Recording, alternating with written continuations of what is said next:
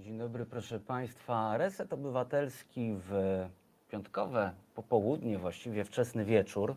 Przedświąteczne. Myślę, że to się, wiesz, tak zmienia e, ze względów też takich e, geograficznych.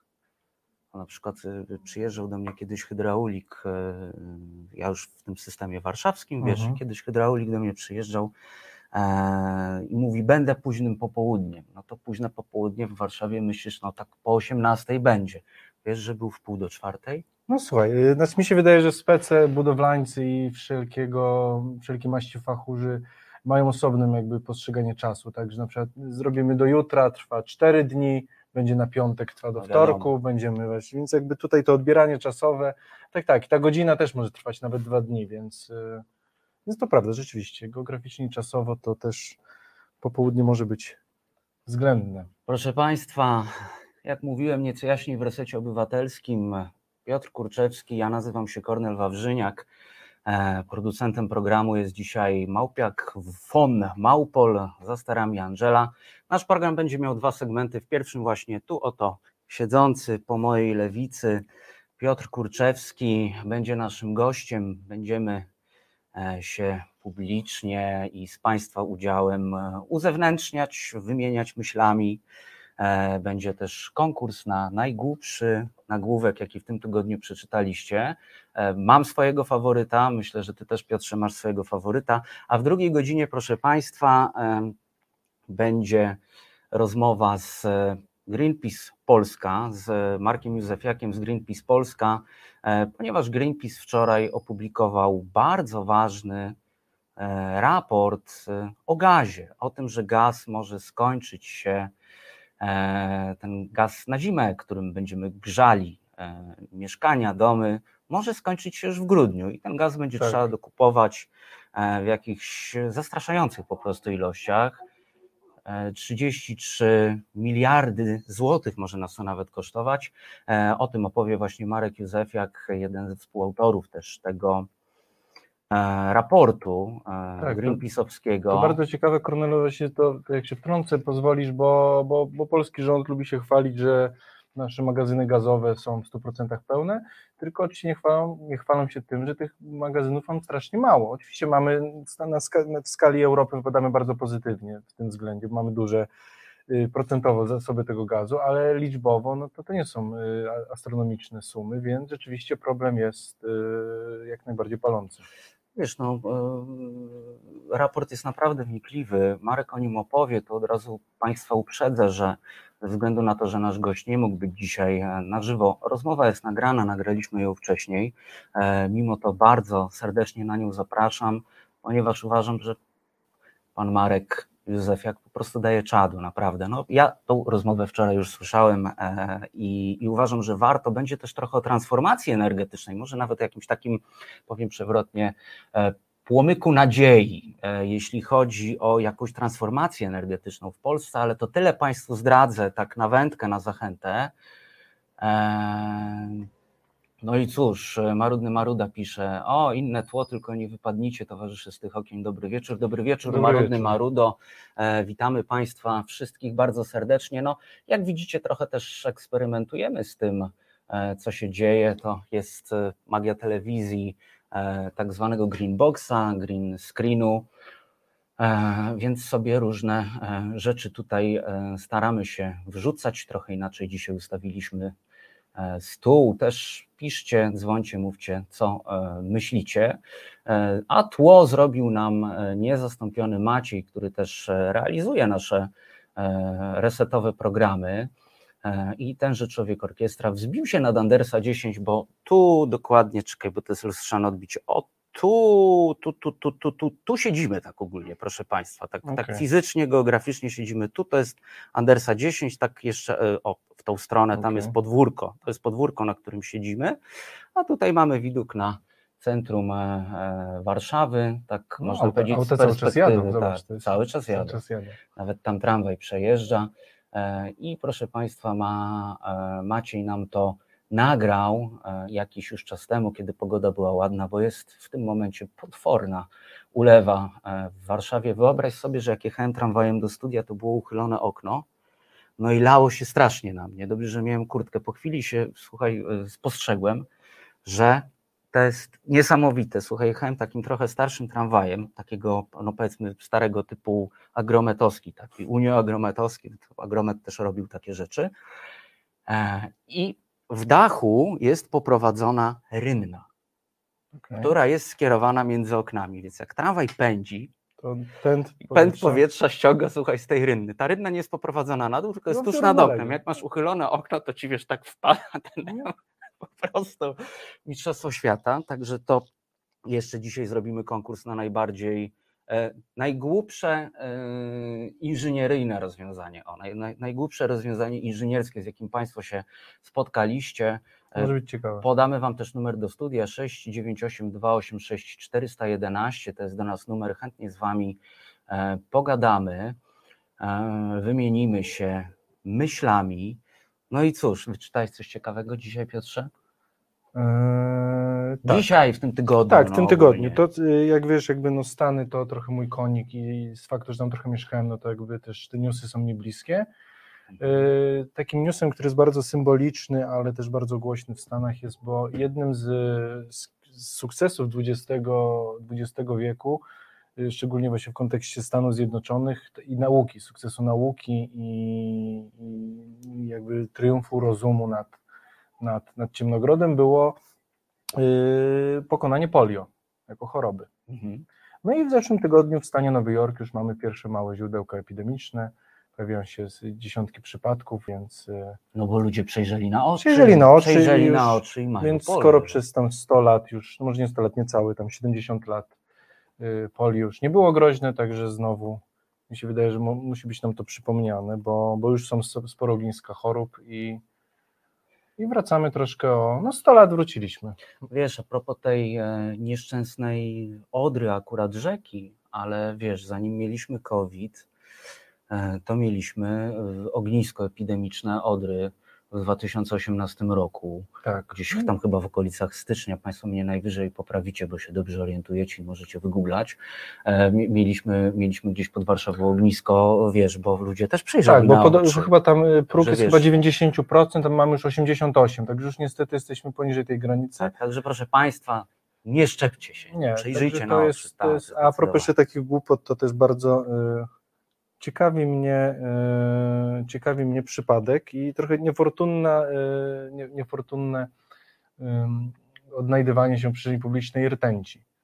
Bo Mhm. kiedy, y, kiedy ludzie, właśnie a propos szczepionek, kiedy ludzie antyszczepionkowcy krzyczeli, że nie chcą się szczepić, właśnie używali argumentu rtęci, że nie będziemy się szczepić, bo tam jest rtęć, rtęć zabija, rtęć jest szkodliwa, nie chcemy szczepić się naszych dzieci, tym bardziej nie będziemy się skazywać na rtęć. Natomiast teraz, kiedy od yy, chyba bodajże już od miesiąca można powiedzieć, właśnie Odra jest zaatakowana prawdopodobnie. Yy, Teraz się, teraz, ale no też, też się rtęci boją. Może No, to Big Właśnie, Pharma no nie, ale właśnie część właśnie ludzi mówi, że to jest, że rtęci nie ma. Czyli jakby wtedy się bali, A. teraz jakby Nie no, wiesz, po, nie ma. czytałem Też dzisiaj, czytałem dzisiaj a propos głupich nagłówków, a raczej głupich gazet. Tutaj y, ktoś ze słuchaczy, zaraz zajrzę jeszcze, zerknę w czat, y, kto pisał o najgłupszym w ogóle tytule. Możemy zrobić też konkurs na najgłupszy tytuł. E, Proszę bardzo, 698286411. E, otóż e, Charlie pisze, kiedy konkurs na najmądrzejszą myśl Suskiego albo Kowalskiego. E, Charlie, jeśli będzie taki moment, jeśli będzie taki moment, że usłyszymy mądrą myśl z ust Suskiego, to będzie łamiąca wiadomość. To piekło wydaje. zamarznie. Nie no, to- Mimo, że go nie ma, ale piekło zamarznie. Reset tutaj stanie na wysokości zadanie, będzie wydanie specjalne z całą pewnością, a chętnie to się włączę. Przy okazji chciałbym Charlie'ego pozdrowić, bo czekaliśmy, na, Charlie, na Ciebie w, w środę z Maciejem Tomaszewskim, bo, bo było nas trzech, ja, Maciej i Kółko na suficie, ale Ciebie nie było, bo zawsze Charlie jest tym słuchaczem, który zawsze y, wy- wypytuje nas, co Mhm. Maciek ma na suficie i kiedy wreszcie byliśmy w jego mieszkaniu, to oczywiście Charlie się w tą środę nie pojawi, kiedy wyjątkowo byliśmy nie w studio, nie. tylko u Maćka, więc... Ale Charlie może się dowiedzieć z odtworzenia, Może także tak, wiesz, no to jakby... A propos y, posła Kowalskiego, ja tej wypowiedzi nie widziałem, ale może do niej jakoś, może ją znajdę, bo ostatnio poseł Kowalski tłumaczy, jak to naprawdę było z tymi kwiatami dla Donalda Tuska, którą dawał w przyszłości. A, bo ktoś go przyłapał w ogóle, tam, tam była ostra taka wrzutka Nie, jednej z no, posłanek, No wiesz, tak, no bo, że... znaczy, bo, znaczy, to zdjęcie już krąży od wielu lat, więc to nie jest Tak, tak, ale jakby- wiesz, y, kobieta przyszła z Nihilnowi i tak zrobiła, wiesz, y, niezłe zamieszanie, bo była z Kowalskim w studiu e, i mówi, tak, tak, tak, O, pan proszę. na Tuska, tu proszę, nie? I wydrukowane to przyniosła. To Słuchaj, wydrukowała internet, internet, internet, no. wydrukowała. Znaczy, no wiesz, no mi się wydaje, że może poseł Kowalski był jednym z pierwszych hipsterów i ironicznie dawał kwiaty. Bo, A, no bo hipsterzy tak. robią ironicznie i Wiesz, dla no, beki, więc on, też słucha disco polo tak jest, przecież. więc on dla beki ironicznie uwielbiał Tuska, więc y, może, może był prekursorem hipsterstwa w Polsce. Także a propos jeszcze właśnie em, przeglądania na oczy i, em, i ciekawych tytułów prasowych, e, może niekoniecznie nagłówków, właśnie w polityce PL dzisiaj pisało, że e, to jest oczywiście atak propagandowy Niemców. Też e, oczywiście, że, no bo tam- że ta rtęć, No bo oni jeszcze nie mają sami potwierdzone, że to rtęć. Prawda jest taka, że po prostu jak wrzucili, wrzucili tą wodę do zbadania, to wywaliło wszystko w górę i oni musieli ogarnąć, ale rtęć też To jakby... jest bardzo ciekawe, jak mi się e, na tak tym, co tam jest. jest. Bo chyba ważne, że jest to śmiertelnie trująca. Czy to jest benzoesan czegoś, czy sodomagnezjan, to chyba nie ma większego znaczenia. Mi się wydaje ważne, że to zabija. Benzoesan to ten spółka. Ja wiem, ale wiesz co chodzi, ja rzucam tak jakby, właśnie mi się wydaje, że bardzo szczepię, skupiałem się na tych nazwach, Tak, a nie także na tym, wiesz, to skala się skończyła, więc Niemcy powiedzieli spokojnie, spokojnie, to i już wiemy, że to jest to, już wiemy, że to jest to, tylko jeszcze się upewnimy, no bo wiadomo, Niemcy kwadratisch praktisch gut, Nie, u nas e, Volkswagen e, i tak dalej, więc oni są praktyczni, oni podadzą odpowiednie dane, wiesz. Nie, Ale tam, nie, no oczywiście trzeba wiesz, Polsce- tutaj nagadać, że to jest w ogóle atak niemiecki, oczywiście, że tak, ale e, realizująca nas dzisiaj Angela też mi e, mówiła, e, może się potem z Państwem podzielimy tym nagraniem, bo ono się jeszcze ładuje, więc miejmy nadzieję, że się załaduje. Otóż kogoś z wód polskich, tak? Angela, jak to było? Albo zobaczymy. Dobra, zobaczymy. Y, Komuś y, była konferencja prasowa i komuś powiedziano, ktoś się upierał, że nie, no do tej wody można wchodzić. No to pan wejdzie, podtrzymamy panu ubranie. Chyba to wiceminister był. Wiceminister Chyba chyba, wiceminister tak. któryś tak.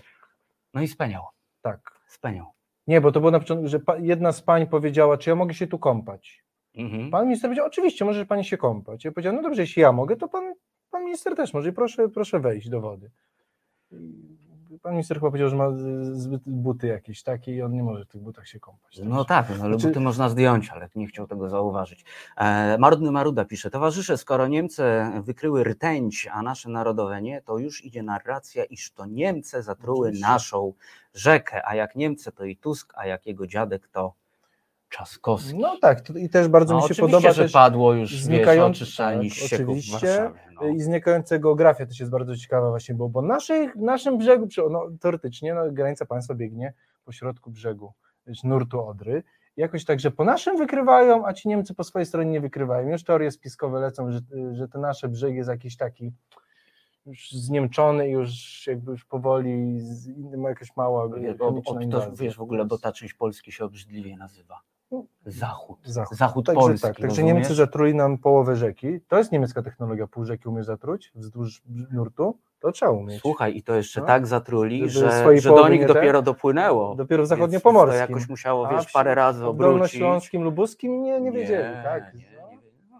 E, I zapiszę. Niemcy zdążyli już dwa razy zbadać Odrę, wodę z Odry w przeciągu dwóch dni. Nasi specjaliści ciągle nie wiedzą, co i kto spowodowało największą katastrofę ekologiczną. Może i wiedzą, ale jeszcze nie powiedzieli. To nie chcę tutaj uprawiać jakichś teorii spiskowych, ale to jest rzecz po prostu, proszę Państwa, em, oczywiście do przyjrzenia się, zbadania. Oczywiście my tu sobie to śmieszkujemy, ale niestety sytuacja Nie, się rozwija dramatycznie, bo my ale śmieszkujemy na, na, na państwo pisowskie tak naprawdę. Tak, to No jest, Absolutnie y- nie, nie śmieszkujemy, jeśli chodzi o bo, o to, co się dzieje, Obawiam się, że może konsekwencje mogą być tak, mogą być. e, e, ekologiczna, e, jaka nas spotkała. straszna. Więc tak, ale to rzeczywiście to pokazuje, że i to jest to już taki z sektory taki rzeczywiście chichot historii, to już wielu z naszych też kolegów się śmiało, ale się, zobacz, na każdym kroku, kiedy ten rząd pisowski mógłby zadziałać, bo to nie jest bardzo trudna operacja logistyczna, prawda, jakby wysłać no nie wiem, kilku, kilkunastu specjalistów, od, przecież instytucje są, tak, zbadać, wiesz, mogliby po prostu raz tak po ludzku dać radę, wiesz? Tak, nie, ale w sensie Nie, wiesz, nie wspinać się na jakieś wyżyny, to- wiesz, nie wiem, e, zrozumienia Hegla w 30 dni, tak, tak? i to Chociaż- też nie jest, wiesz, oczy- i to, i różnie mówię, może być, ale no I tutaj mamy jakby wymierną rzecz, którą jakby mówię, mamy koryto rzeki, można pobrać próbki, kilka dni zrobić badania, y, ostrzec ludzi, wydać jakiś komunikat jakby, przynajmniej, a, w tym momencie mamy coś, co, co byłoby łatwe do ogarnięcia jest i, i przerasta ten rząd, który podobny jest rządem właśnie k- silnego państwa i właśnie państwem stojącym. No i tu pokazuje, że nawet na takim podstawowym poziomie to jest przykre, no i to jest smutne, że no to po prostu nie działa. Że wiesz, no, że, za przeproszeniem, no kurczę, żeby rybacy donosili mediom i opinii publicznej, co się dzieje w rzece, rybacy, tak, a potem wody w polskie kaloszach, mówią, tak, to to nieprawda, już od dwóch tygodni. no wiemy, tak, nie wiemy, ale to- tak. Nie no, czytaliście u nas na fejsie? tak, Nie, no. tego nie powiedzieli, to od razu No. sam siebie sprostuję, ale wiecie Państwo, jak to wygląda. No? E, Charlie pisze, Grzegorz e, Witkowski, wiceminister O, tak infrastruktury, to był ten człowiek, który Tak, chciał się wykąpać, ale nie chciał się wykąpać.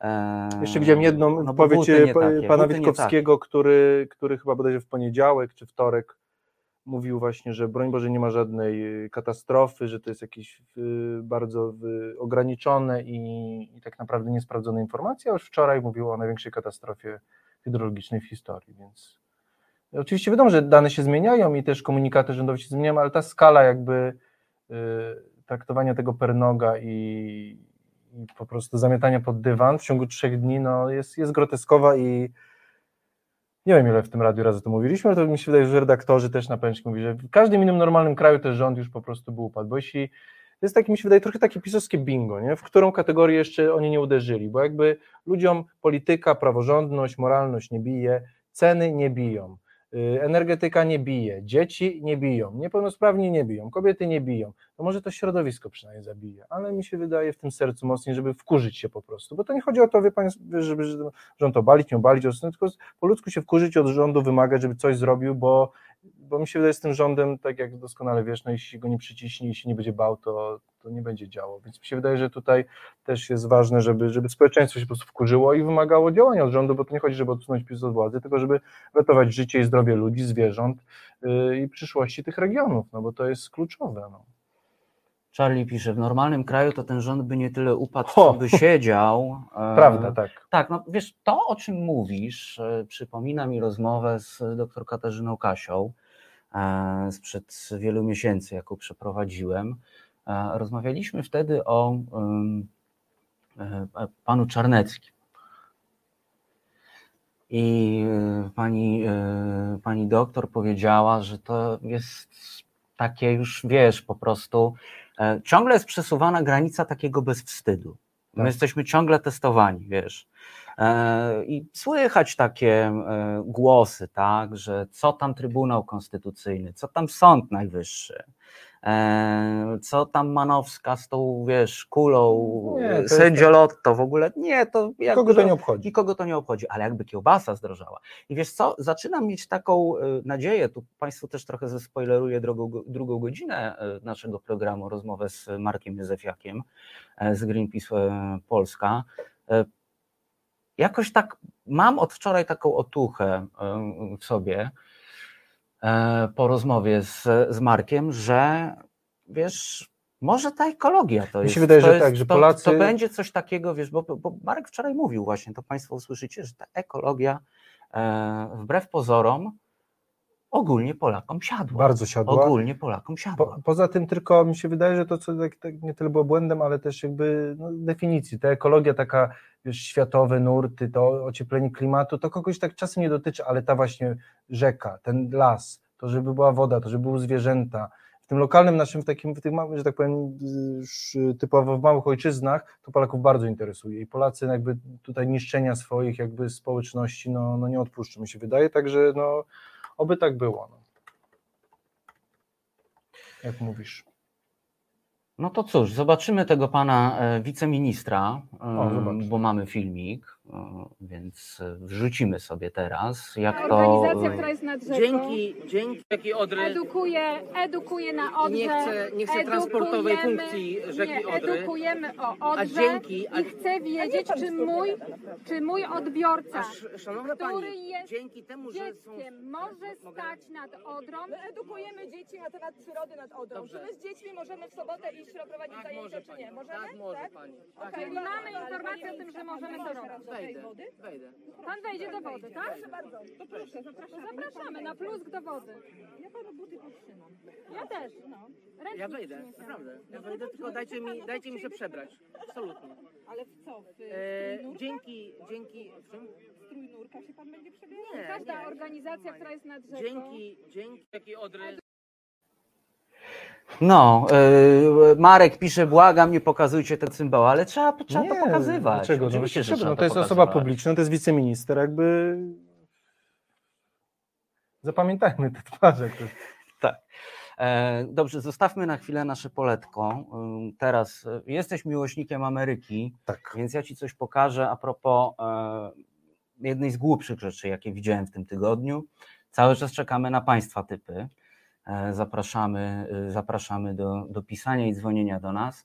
Otóż wyobraź sobie, że są teraz sprzedawane i schodzą jak świeże bułeczki figurki Donalda Trumpa, który jest Buddą. Mamy, już spodziewałem się, że mamy zdjęcie tego. Mamy, Mamy, zdjęcie. tego, słuchaj. E, sprzedawane są takie em, figurki, e, Chińczycy je sprzedają. To są figurki e, Donalda Trumpa Mhm. jako Buddy. Podobno idą super po prostu. E, idą one z hasłem Make your company great again, czyli sprawa, by twoja firma znowu była e, wielka, wspaniała i proszę Państwa, Figurki są w dwóch rozmiarach, już tam nie pamiętam w jakim. Jedna jest taka, żebyśmy ją mogli sobie tutaj e, postawić i by nas nie zasłoniła, a druga jest już w takim rozmiarze, żeby nas ten Trump przytłoczył. Tak. I proszę Państwa, mniejsza kosztuje około 600 zł, a większa nieco ponad 2360 No, powodzenie zł. biznesu jest, jest, jest Taki Trump obudda po prostu, słuchaj. To jest ciekawe, bo mi się wydaje, że Donald Trump jest akurat taką postacią, która nigdy w życiu by nawet nie pomyślała o medytacji, więc jakby e, Nie, to ciekawe. To jest człowiek znany z medytacji, wiesz, to jest człowiek znany z e, medytacji. Podczas tych medytacji wysyłał tweety, czyli siedział po prostu przez 4 lata na e, sedesie podczas swojej prezydentury, no i opowiadał, tak? E, wiem, Opowiadał ty- po prostu, opowiadał o mm, całemu światu, co sądzi na różne tematy. To u Johna Olivera fantastycznie widać przez 4 lata odcinków, bo było masę ich o Trumpie. Eee, Nie wiem, czy ty Trumpa śledzisz, ale u Trumpa dzieje się bardzo dużo teraz. no, do, to też jest ciekawy nagłówek, bo do Trumpa weszli, bo podobno wyniósł jakieś dokumenty z Białego Domu, Tak. a jakby wszystko, co jest w Białym Domu, włącznie z dokumentami, które Jest państwowe. y, po prostu tak, to są państwowe, czyli są wszystkich narodu, a ten se to wziął do domu.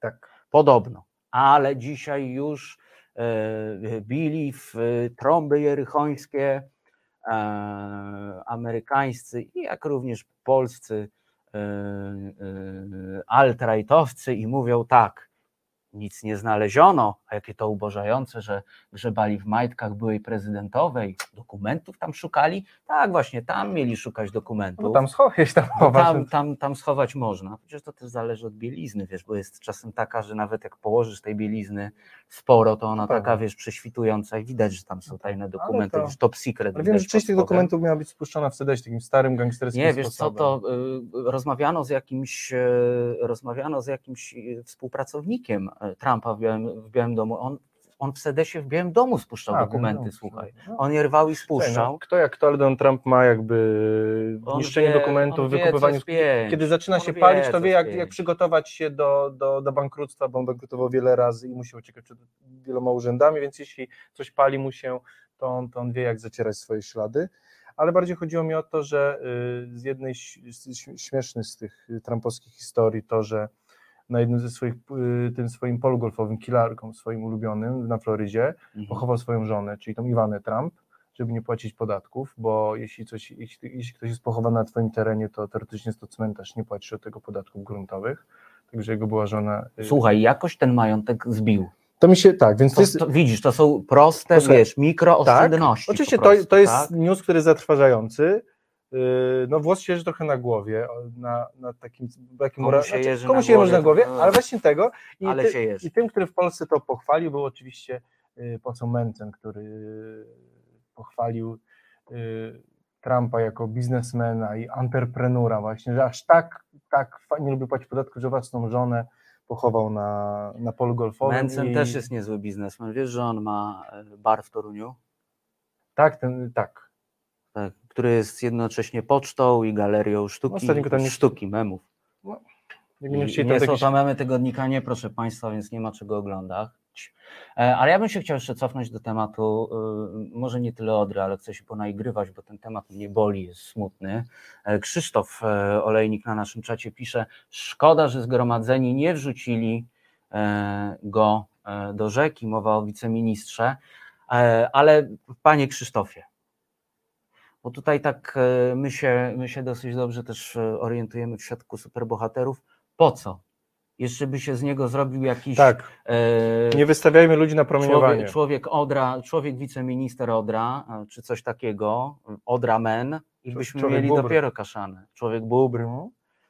wiesz, Znaczy, rtęciobubr, oj, bubro ale rtęć. to, znaczy to jest tak śmieszne trochę, ale mówiąc, że to jeszcze pani Iza chyba pisała, to prawda, jakby e, oczywiście serce się kraje, bo oczywiście między rybami też bardzo dużo ptaków, ssaków jakby cierpi z tego powodu, więc y, te bobry rzeczywiście chyba nie zasłużyły, żeby być porównywane do pana wiceministra, bo, bo bobry są pożytecznym, cudownymi zwierzątkami, pan minister, wiceminister niekoniecznie.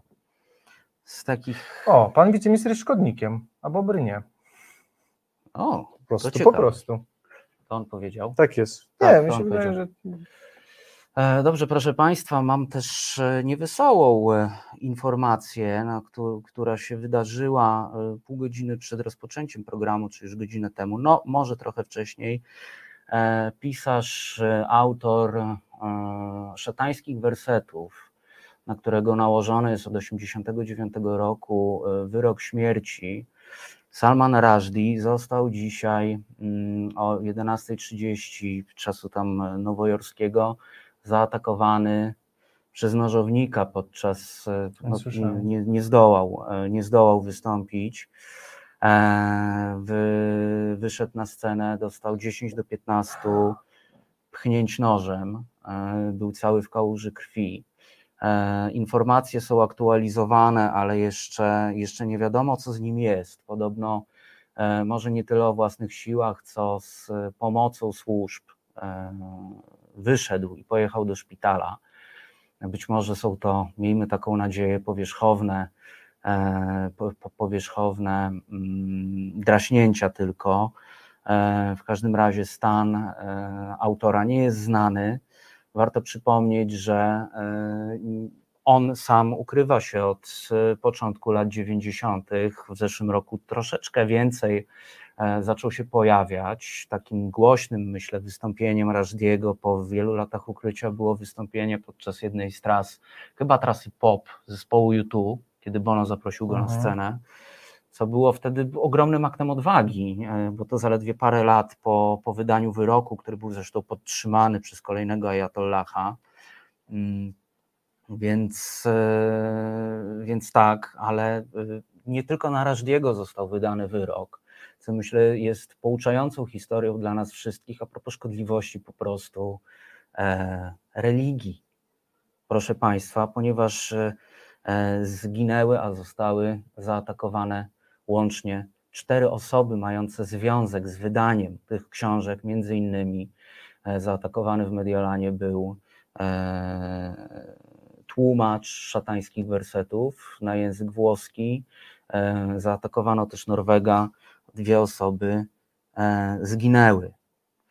E, Miejmy nadzieję, że z samym Salmanem Rajdim będzie wszystko w porządku. No i widzicie, proszę Państwa, jeden ajatollah, Khomeini, któremu się nie spodobało, co przeczytał. A ja miałem wrażenie, że takie rzeczy, to wiesz, ostatnio, ostatnio e, to za czasów inkwizycji, której nikt się nie spodziewał. No to To tak, ale ja myślałem rzeczywiście, że ta sprawa już y, tej, tej bo to chyba fatwa się, no tak, taką, Fatwa, tak. tak no, y, tej fatwy już jakby troszkę jest już, y, może nie tyle przybrzmiała, ale to rzeczywiście jest już jakby sprawą może nie tyle zamkniętą, co już pod kontrolą, a jak widać niestety, niestety nie, także no niestety fundamentalizm ma się, ma się dobrze, także Tu jeszcze doczytam. E, Chomeini wiadomości. obiecał, że morderca autorsa e, szatańskich otrzyma w zamian 3 miliony dolarów, chociaż Ayatollah zmarł kilka miesięcy później. Jego następca podtrzymał tę decyzję. I teraz, proszę Państwa, tak, tłumacz książki na język japoński Hitoshi Igarashi został zamordowany przed swoim biurem y, na Uniwersytecie Tsukuba. E, Włoski tłumacz e, Ettore Capriola ledwo uszedł z życiem, gdy zaatakowano go we własnym mieszkaniu, proszę Państwa. Norweski wydawca też ledwo uniknął śmierci, oddano do niego trzy strzały przed jego domem w Oslo, a dzisiaj kolejną ofiarą jest sam Salman Rushdie. Tyle lat się udało. no, on żył bardzo w ukryciu, jakby to Żył bardzo w ukryciu. w Londynie No, właśnie nie no znamy zaczął, zaczął, trochę, zaczął trochę, można powiedzieć, ryzykować, chociaż nie powinniśmy tak mówić, bo na nikogo nie powinno się No, wydawać wyroku Szczególnie, śmierci. szczególnie wydaje mi się obrzydliwym jest to, że jest ta nagroda pieniężna jest tak wprost pokazana. Zazwyczaj te fanatycy obiecują nagrody, że tak powiem, w życiu y, kolejnym, y, jakby nie, niedoczesnym, a tutaj jakby wprost po prostu płacimy za czyjąś śmierć. No to jest w ogóle niewyobrażalne mi się wydaje w dzisiejszych czasach i, i, i wręcz przerażające. Wręcz przerażający, to prawda. No cóż, To- zrobiło to, się. To, to mnie zrobiło strasznie się, zaskoczyłeś, bo nie, nie, nie, nie, nie, znałem tej wiadomości. Wiesz, no, przeczytałem to przed wyjściem z domu, więc też jestem zaskoczony tą wiadomością, a nie było czasu pogadać przed przyjściem. E, proszę Państwa, e, e, musimy, musimy chyba e, tak się oddać refleksji przez e, kilka minut, także wracamy już za chwilę e, i jak już się z lekka odprężymy po tej smutnej wiadomości, to jeszcze pogadamy, co tam w mediach piszczy. Miejsca nienumerowane. To audycja od kinomanów dla kinomanów. Piotr Kurczewski i Maciej Tomaszewski w rozmowach z gośćmi, ale też ze słuchaczami będą dyskutować o filmach i serialach, zarówno aktualnych, jak i tych kultowych. Pozycja obowiązkowa dla każdej fanki i fana srebrnego ekranu. W każdą środę między 21 a 22.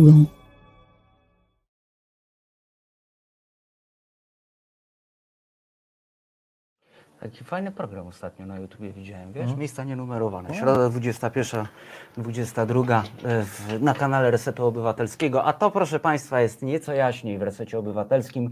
Ja nazywam się Kornel Wawrzyniak. E, Moim gościem jest redaktor Piotr Kulczewski, nasz autor właśnie miejsc nienumerowanych. Eee, O, Marudny Maruda. Jan P. zatrzymany w sprawie zanieczyszczenia Odra. Jak twierdzi, swoją barkę pozostawił na brzegu. Jeszcze nie jest 21.37, Jeszcze nie ale doceniamy, że była Dobry, 19.37. No, Marudny jest Marudo. Dobry. Jeszcze to pilne jest takie, podoba mi się, dobry, Tak, dobry na, na, nabrałem się, nabrałem się od razu, przeczytałem. E, Proszę Państwa, e, przyglądamy się temu. e, Głupim rzeczom się przyglądamy, chociaż trochę i nie głupim, no ale w takim kraju żyjemy, a nie innym, trochę, trochę dziwnym. Polska dziwny kry. E, Więc, e, więc tak, rozmawiamy dzisiaj o tym, a w drugiej godzinie rozmowa z Markiem Józefiakiem z Greenpeace Polska.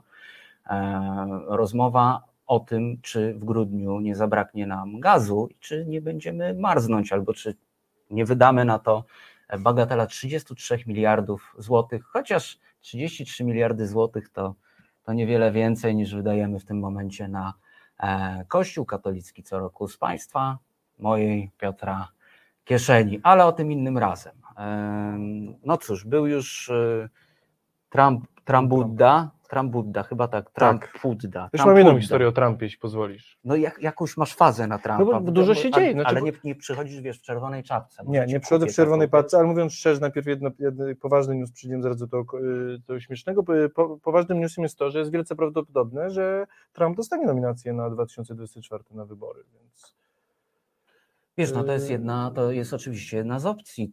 Nie, on jest bardzo wyraźny, się bo w wielu stanach, bo teraz, bo teraz w Stanach właśnie są y, wybory, y, te prewybory, jakby prawybory mm, w Partii Republikańskiej i jego kandydaci, kandydaci wygrywają w wielu stanach, także jest to, y, jest ewidentnie w natarciu i jego kandydatura wygląda naprawdę mocno w Partii Republikańskiej, ale to, o czym chciałem powiedzieć, że podczas tych y, prawyborów w Partii Konserwatywnej w stanie Missouri. Kandydowa- było dwóch kandydatów. Nazwisk nie pomnę, bo nazwiska nie są ważne w tej historii. Jeden, y, obaj mieli na imię Erik. Mhm. Jeden był, y, obaj, jeden był od Trumpa, drugi był z partii konserwatywnej, więc Donald Trump, nie wiedząc, który wygra, bo tam y, wyniki były bardzo zbliżone do siebie, wieczór przed głosowaniem powiedział good luck Eric i, i to była jego nominacja. Y, Dwóch, obu kandydatów podziękowało za nominację od prezydenta Trumpa, bo No, bo obaj, obydwaj bo mają obaj na imię Eryk. Eryk, więc obaj podziękowali. Trump był na tyle sprytny właśnie, że nie powiedział, którego Eryka mu chodzi. Natomiast y, po wygranej oczywiście Trump powiedział, że tak, to temu Erykowi, który wygrał, y, dał nominację. To jest człowiek wielu talentów i naprawdę jako biznesmen to jest... Wiesz, to, y, to jest tak, jakbyś poszedł, wiesz, grać e, w, w ruletkę, obstawia No ci powiedział, e, e, krupier cię pyta, czarny czy czerwony? Tak. Tak, no se, y, akurat na wyścigach, I kon, wiesz, wypada czarny, a ty mówisz, no tak. na wyścigach konnych da się obstawić wszystkie konie, to jest tak zwana ściana.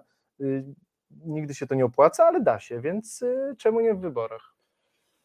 Gramy ścianą. W wyborach może się udać, wiesz, w wyborach Może się może, udać. się, może się udać. Bez mało kandydatów, bo jest tylko dwóch, więc któryś, no tak, to prawda. Tutaj. No ale tak, mi się wydaje, nie, że Trump, tutaj Trump jest... umie, Trump, e, Trump umie, wiesz, e, mnie zaszokowało, jak e, zresztą nieco jaśniej jakiś czas temu spytałem, spytałem o, o prawybory właśnie i o to, co się będzie działo wokół wyborów, o kandydatów. Spytałem Jakuba Dymka i Kuba powiedział, że wiesz, ogólnie brany jest pod uwagę nawet jeden z e, prezenterów telewizyjnych. Amerykanie uwielbiają przecież mieć takich Tak. prezydentów, e, cho- chociażby Reagan, prawda? No, na partii republikańskiej się dzieje, ale to prawda tych kandydatów mocnych nie ma dużo i Trump o dziwo zyskuje z każdym, z każdym stanem, z każdą nominacją. Yy, I wszyscy już, oczywiście jak to w, w, Ameryce amerykański biznes, jakby to przede wszystkim, więc im Trump jest mocniejszy, wygrywa, tym nagle liczba senatorów, którzy byli przeciwko niemu, no chyba kilkunastu bodajże senatorów yy, było za, za impeachmentem przecież Trumpa. Z tych kilkunastu już zostało tylko kilku, że im już jakby te, te mocne głosy, że Trump jest skończony, to, że, że to była jednak zła prezydentura, już powoli partii republikańskiej gasną. Ja bym się osobiście nie zdziwił, kiedy on by tą nominację, nominację ponownie uzyskał. To jest Marek strasznie Jurkiewicz. śmieszne, nie wiem, czy to jest... Marek Jurkiewicz, tak, tak, dokładnie tak. O. pytanie, czy Onuca Carlson będzie kandydować? Tak, Tucker Carlson ma kandydować. Tutaj Państwa też. e, Tucker Carlson jest cudowny, bo on nigdy nie wiem, tylko pyta. Zauważysz? On nigdy... On, Nie, no co ty? Wszystkie- On jeszcze opowiada o tym, jak wspaniały jest Trump No tak, przecież. ale- On jest, jest, ale zobacz, ale każdy nagłówek, zakochany. za który mógłbyś się przyczepić, jest ze znakiem zapytania. Ach, Tak, no, czy demokraci mordują dzieci? Nie wiemy. Porozmawiajmy o tym. nie wiem, gdzie ta piwnica w tej Gdzie ta, pizzerii, gdzie, wiesz, y, E, tak. tak. to Tucker Carlson e, miał być jednym tylko zadaje z, pytania. z typów. E, drugim takim typem e, miał być e, senator DeSantis, który wprowadził e, prawo Don't Say Gay. Także proszę Państwa, takie są właśnie klimaty w tym momencie w republikańskiej, po stronie republikańskiej. I chyba przyszedł czas, żebyśmy też obstawili e, nasze ulu- ulubione typy, jeśli chodzi o ten tydzień. Co takiego wyczytałem? E, Ty tutaj podglądasz, mam tutaj Tak. wrzucone. E, ja też spojrzę, jak ty ale to patrzysz, nie, nie to będę się, nie, be- e, chciałbym podkreślić. A Max jeszcze pisze, nie no muszę się odnieść. Jedna z teorii mówi, pisze Max, że sprawa zanieczyszczenia Odry miała uderzyć w, tutaj ocenzuruję, y, ale chodzi, chodzi o prezydenta Warszawy, no bo y, no może, no może akurat y, prezydent Trzaskowski przejeżdżał, e, miał, miał przejeżdżać wtedy gdzieś niedaleko Odry, na przykład jadąc na wakacje albo nie wiem, do rodziny, jeśli jakąś ma gdzieś w, w okolicach Odry i, i właśnie takie miały być nagłówki w TVP, ale nie wyszło, nie wyszło, y, bo wody, wody państwowe nie poinformowały o tym. E, A jeśli chodzi o nagłówek, tak? Zaznaczę. Czepiam się głównie e, nagłówka, którego nie wybiera autor. Tak to, tak to działa w No, tym momencie. tak. Parę razy się zdziwiłem, e, sam szukając swojego tekstu w gazecie i nie mogłem znaleźć, bo dawałem inny nagłówek. E, Uwaga, uwaga, czy wszyscy już mają Tak meliskę? Zrezygnowałem z nowego Range Rovera. Jak zaciskamy pasa, gdy wszystko drożeje? Tekst e, w dużym formacie Piotra Głuchowskiego, który oczywiście e, tytuł ten e, sprawił ogromną uciechę między innymi porta, portalowi w polityce.pl, który starał się wyzłośliwiać nad tematem. Bardzo nie wyszło. Przykro mi to mówić, bardzo wam nie wyszło. I niestety temu tekstowi zrobiono ogromną krzywdę, wiesz? Bo to jest bardzo dobry, wyważony Oczywiście, tekst. że tak, ale mi się wydaje, ale sam, e, sam który nagłówek pokazuje ewidentnie... pewien, wiesz, przekrój tego, że naprawdę wszyscy teraz zaczęli e, zaciskać pasa.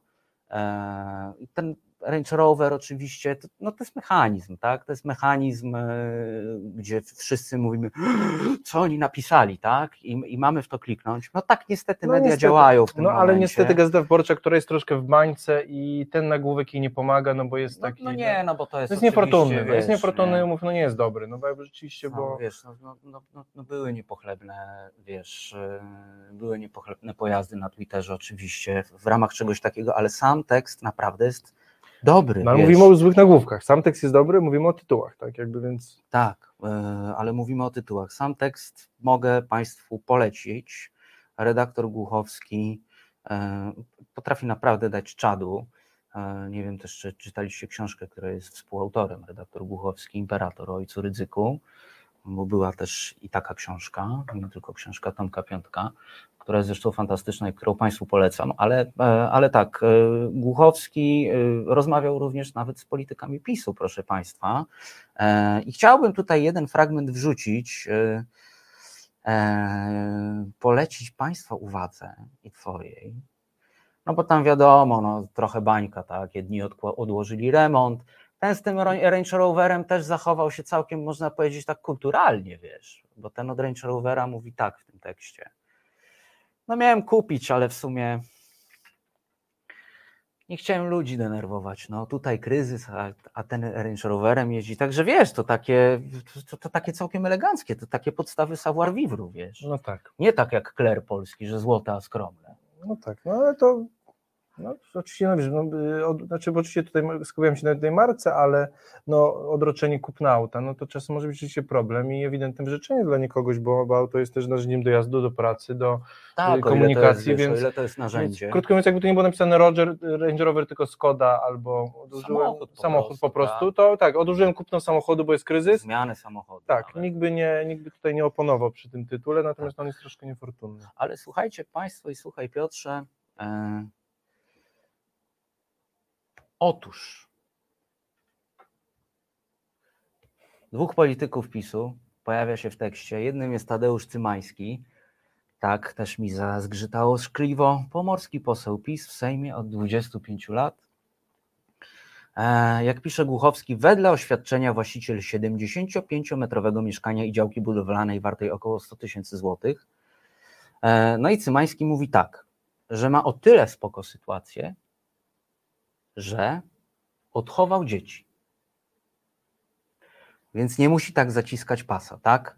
No I tak. wskazuje tutaj, że drożyzna uderza przede wszystkim w rodziny wielodzietne. Wiesz, że y, tam w tych rodzinach wielodzietnych nie ma możliwości ograniczenia wydatków. No tak, No i tak z początku myślisz sobie, "Hmm, nie głupie. nie głupie. No facet tak rzeczywiście odrobił lekcję z takiego, wiesz, po prostu socjalu, tak? No tak. z podstawowego socjalu. Ale po pierwsze, co jest ważne, tak, e, to, to się wpisuje w tą retorykę pisowską, tak? Dzieci mają się rodzić i trzeba rozdać, ponieważ na samym końcu wypowiedzi Cymańskiego, który przez moment dałem się złapać, przyznaję się, dałem się złapać, proszę Państwa. On jest złotousty czasem. O, no, on jest złotousty, oczywiście, że tak, tak samo jak Rysiu Czarnecki. E, więc Cymański mówi na koniec tak, bo tu mówi o tym, wiesz, że to, to wszystko, to wy- wyważenie tego, tych wydatków, że to czy jednemu dziecku buty, czy drugiemu kurtkę, łapie za serce. A potem pisze tak, programy osłonowe powinny być kierowane do rodzin wielodzietnych. Dopłaty i ulgi, chociażby kredytowe dla pracujących bezdzietnych, to błąd. A potem PiS siedzi i się zastanawia, czemu się nie rodzą dzieci, co jeszcze możemy zrobić? No bo jak wiesz, dwie osoby, powiedzmy w naszym wieku, mając lat 30, mówi sobie, no w sumie jest teraz czas na dziecko. taki dobry w sensie, wiesz, fizycznie, e, jakoś tam się już dzieje i tak dalej. No i one popełniły ten fatalny błąd, że stwierdziły, że no już jak tak rzeczywiście założenie tej rodziny, to jakoś tak modelowo, jakoś tak przychodzi wszystkim dziwnie do głowy, wiesz, mieszkanie kupić albo dom wybudować. No tak. I teraz nagle się okazuje, że tak, nie masz dziecka? A liczy się, co już też nam udowodniono w zeszłym roku, liczy się dziecko narodzone. Nie liczą od dziecka nienarodzonego, tylko od narodzonego. Już, Czy dzieci już trzeba mieć? dzieci już trzeba mieć. Nie można planować Więc mieć. przez rok cię dojedzie kredyt, bo nie masz dziecka, bo ono jest w drodze, więc Mimo, że według pana masz- Cymańskiego, Mimo, że zamiary masz szczere. więc według pana Cymańskiego wal się. Wal się ty i wal się twoje zakładanie rodziny na przykład. To jest ten problem. To jest problem, który na przykład jest fantastycznie rozwiązany we Francji od lat. Tam dostajesz e, dodatki do mieszkania, zależnie od liczby dzieci, e, jakie masz w rodzinie. E, Anglicy też mają przecież takie, Mhm. takie, takie e, prawo, które mówi, że musi być pokój na dziecko No tak. od pewnego wieku. Tak jak w metraż Wiesz, jest zapisany Także prawnie. z jednej strony pisowscy królowie socjalu opowiadają złote myśli, które są komunałami, proszę Państwa, są potwornymi komunałami, e, a na końcu, jak się dobrze to przeczyta i zrozumie, no to okazuje się, że no, no nie założysz rodziny, ale tak rozsądnie myślisz, tak? No, Rodzinę już musisz mieć. Rodzinę już musisz mieć, to im się należy, wiesz, nie, nie, nie możesz jakoś tak ten. Czyli są równi i y, równiejsi w Tak. pewnym sensie. Mogę mój nagłówek? Mo, no, no tak, no rozgadałem się, Tak, twój bo- na deser. Znaczy mój nagłówek nie jest medialny, jest z, z Twittera Ministerstwa Edukacji i Nauki, bo yy, wczoraj, albo bodajże przedwczoraj, Donald Tusk cytował profesora od, yy, od podręcznika z HIT-u, który yy, twierdzi, że oczywiście zarzucenie wartości chrześcijańskich powoduje to, że seks jest dla przyjemności, a kiedy seks jest dla przyjemności, a nie dla prokreacji, no to wtedy za bardzo go wartościujemy i dzieci tak naprawdę nie płodzi się z miłości, tylko tak naprawdę trochę się planuje, wręcz, wręcz hoduje, że można Mhm. planować, hodować i te dzieci z in vitro są takie hodowane, a nie, nie, nie zrodzone z Bożej miłości. I Donald Tusk zacytował profesora Roszkowskiego bodajże, tak, profesora Roszkowskiego, na, na co Ministerstwo Edukacji na cytat ze swojego podręcznika napisało tylko chory i obłąkany z nienawiści umysł może dokonać takich dopowiedzeń między wierszami. I to mi się wydaje, to jest taki, taki psychologiczny taki zamysł trochę, że najgłośniej krzyczy ten, kto, kto poczuł, ten wytoczył po prostu trochę. E, No wiesz, e, uderz w stół, a Nożyce się odezwą a- i ten, który- się odezwą, I tak? ten, który najgłośniej goni tego mordercę, to, to i krzyczy, że właśnie, że nie wolno y, zdradzać i kraść, to jest ten, ten właśnie złodziej, więc tutaj, że Ministerstwo Edukacji punkt właśnie. Chory i obłąkany z nienawiści umysł mógł dokonać takich dopowiedzeń między wierszami.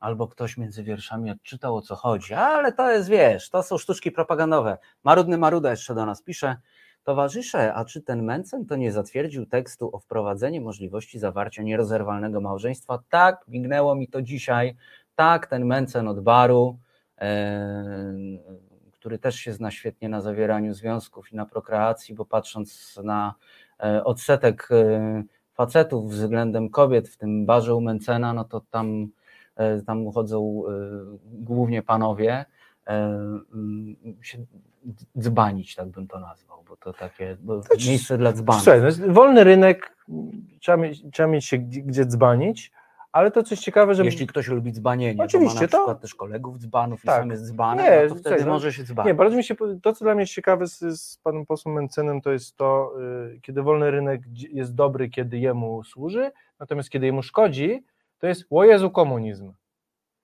Bo jakieś y, dwa tygodnie temu y, pan y, poseł Mencen chciał zorganizować takie partyjne pogadanki w kilku Mhm. miastach w Polsce, wynajął pub na spotkanie ze swoimi. Właśnie to miała być tam rozmowa o polityce przy piwku, w takiej luźnej atmosferze, wynajmuje knajpę, wszyscy przychodzą, piją piwko i gadają o podatkach i o mądrościach profesora, profesor, tfu, Jezus, posła Mencena. I po, po wstępnym wynajęciu, kiedy knajpa zorientowała się, kim jest pan, pan poseł i jakie będzie głosił poglądy, no to powiedziała, że oni sobie takiego eventu nie życzą i oni tu rezerwację kasują, bo oni są, nie chcą się brać udziału w politycznych takich chucpach i wtedy była ola Boga komunizm, że jak to firmom odwołała, co to jest w ogóle, że przecież to jest, nie powinno być, on tutaj szerzy oświatę, tutaj kaganek oświaty wprowadza, chce oświecać, Krużganek, co ty mówisz, jaki kaganek? Krużganek. Krużganek krużgamy, więc tak, więc kiedy wolny rynek jemu służy, to jest dobra, kiedy, je, kiedy wo- jest przeciwko panu posłowi, to jest, Jezu, komunizm, jak to mówił Marcin Rola. E, Iza pisze, te wasze audycje nie nadążają za aferami pisorskich przestępców, afer jest więcej, nie nadążami z komentarzami. E, No, e, no, no, no co możemy zrobić? No musielibyśmy mieć w resecie dwugodzinne wiadomości codziennie, to może by Nie, to by nas, to by nas troszkę... ale, ale pa- państwo byście nas chyba po prostu e, no myślę, że szybko byście nas kopnęli w tyłek i powiedzieli, że, że w ogóle że w ogóle nie. E, My- Chris my- my- pisze, my Mencen nie jest posłem, widzisz? Mencen nie jest nie jest posłem? Jest dlatego posłem? mówiłem pan, pan Mencen mówiłem. Nie, nie jest. A on jest tylko... On jest z Konfederacji. On jest z On jest Konfederacji, nawet jest- posłem z Konfederacji. Jest, jest z Konfederacji. To nie zagiął, widzisz, to powinien takie rzeczy wiedzieć. A nie wiem, pewien. No No, no widzisz, no, no nie nadążasz. Nie No, nadążam. Przeczytałeś, nie nadążasz. Proszę Państwa, bardzo Wam dziękujemy. To jest e, koniec pierwszej godziny spotkania z Wami w nieco jaśniej. Czegoś się nauczyliśmy. E, Czegoś się nauczyliśmy od Was. e, Może Wy też czegoś e, od nas. Ja Na się przykład, dowiedziałem, że pan możecie Mencen nie jest posłem, to jest, E, to jest tak, ważna informacja. Więc, dowiedziałeś się tego. Wyście się dowiedzieli na przykład, że można sobie kupić Trumpo Buddę za e, 600 zł albo nawet 2360. Charlie pisze browarnik. No tak, no bo on ma ten.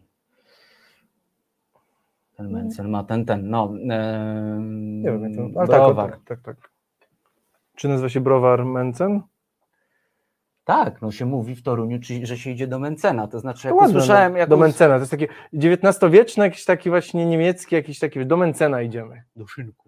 Do szynku Do do. Mencena, do szynku do Mencena. Nie, jak Podoba się. usłyszałem y, od kogoś ostatnio, że idą do Mencena, to powiedziałem, że idę spać. E, I tyle było z mojej wizyty w Toruniu. E, no, także Mógłbyś być taki incognito, tak, z krainy deszczowców, tak szpieg. Tam się. tak, słuchaj, tak, Tak. żebym tego nie widział wszystkiego, co tam jest. E, proszę Państwa, to jeszcze raz. E, dziękujemy Wam bardzo za dyskusję. E, reset bawi, reset uczy.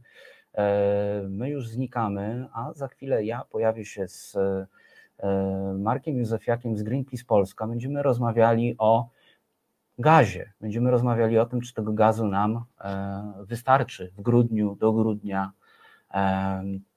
bo jest cienko, jest całkiem duży raport Greenpeace Polska na ich stronie na ten temat, który będziemy omawiać, tak, będą slajdy, więc zapraszam serdecznie, od razu uprzedzam, e, ze względu na kalendarz gościa, rozmowa została nagrana i muszę też Państwa e, z góry przeprosić, gdyż e, nie dogadaliśmy się wczoraj z e, realizującym e, nagranie e, Michałem i e, nie żegnam się z Państwem na końcu, bo e, wcisnął stop recording, także teraz serdecznie Państwu dziękuję. Zapraszam na e, rozmowę. Myślę, że naprawdę warto i bardzo serdecznie Was zapraszam, bo będzie również sporo ogólnie o widokach na transformację energetyczną, e, o fermach wiatrowych, o tym jak PiS je zajechał e, i czy chętnie korzystamy z fotowoltaiki. To już za chwilę, a my odmeldowujemy Tak się. jest. Ja dziękuję bardzo Ci, Kornelu, za zaproszenie. a ja Dziękuję dziękuję, że Państwu.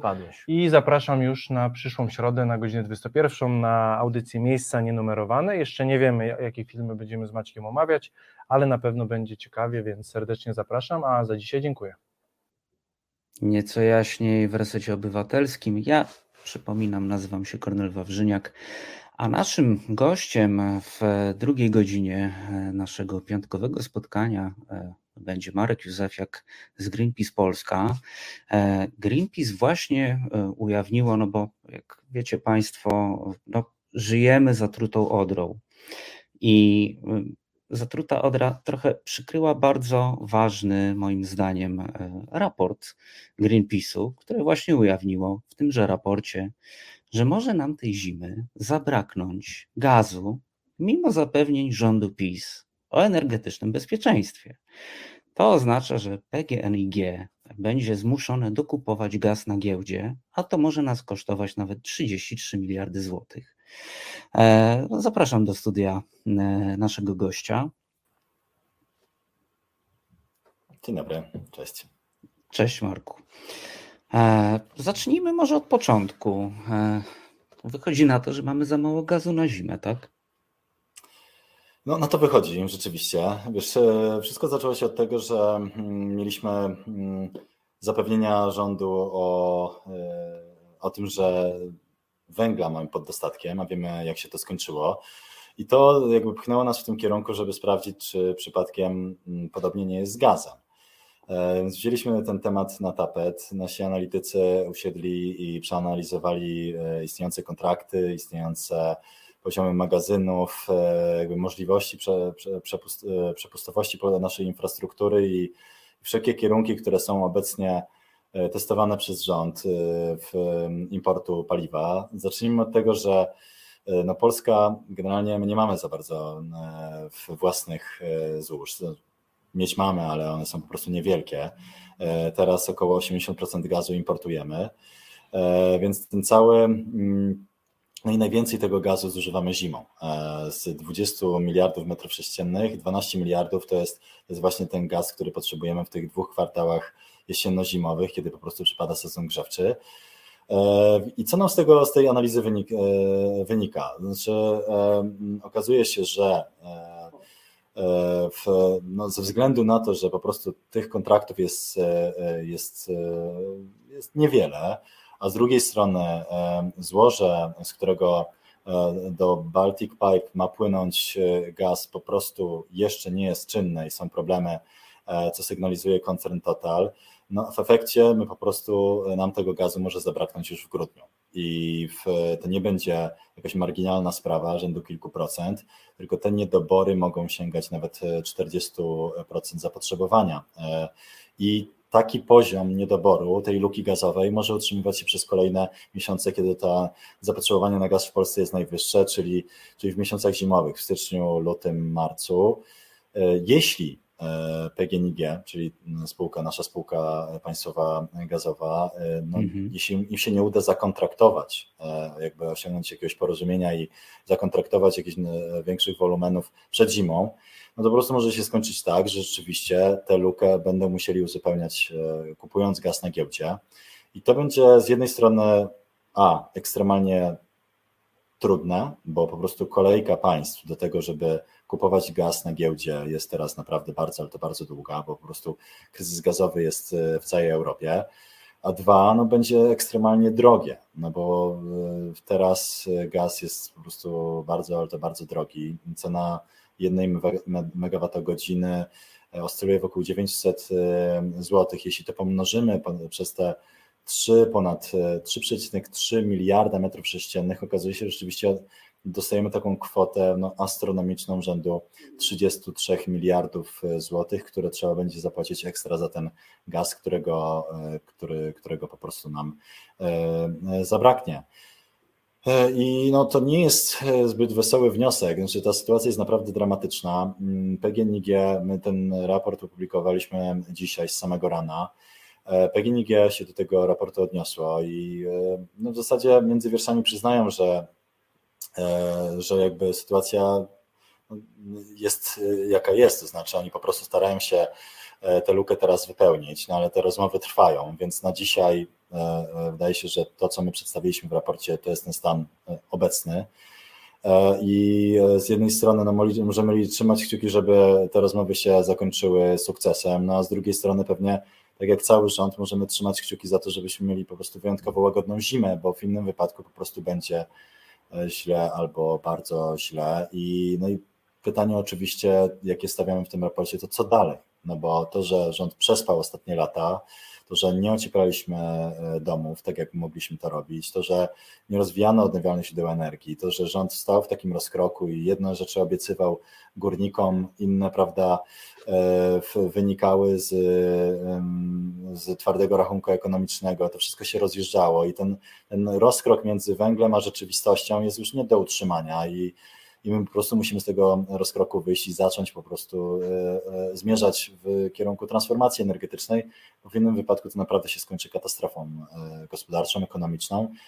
i, no i społeczną, bo po prostu dojeżdżają nas strasznie ceny, ceny energii i można sobie zadawać pytanie, co by było gdyby, tak? Gdyby ostatnie 6 lat rząd nie przespał pod względem choćby energetyki wiatrowej, gdyby państwowe spółki energetyczne nie przespały pod względem inwestycji w fotowoltaikę, gdyby morskie farmy wiatrowe nie, nie złapały opóźnienia, gdyby to wszystko się po prostu toczyło szybciej, gdybyśmy mieli program termomodernizacyjny z prawdziwego zdarzenia, no to są oczywiście takie pytania, które możemy sobie dzisiaj zadawać, ale, ale oczywiście trzeba patrzeć w przyszłość i, i, i po prostu te e, E, na te pytania jak najszybciej znaleźć odpowiedzi i po prostu zacząć odblokowywać e, tę naszą energetykę i, i pchać ją e, w tę zieloną stronę.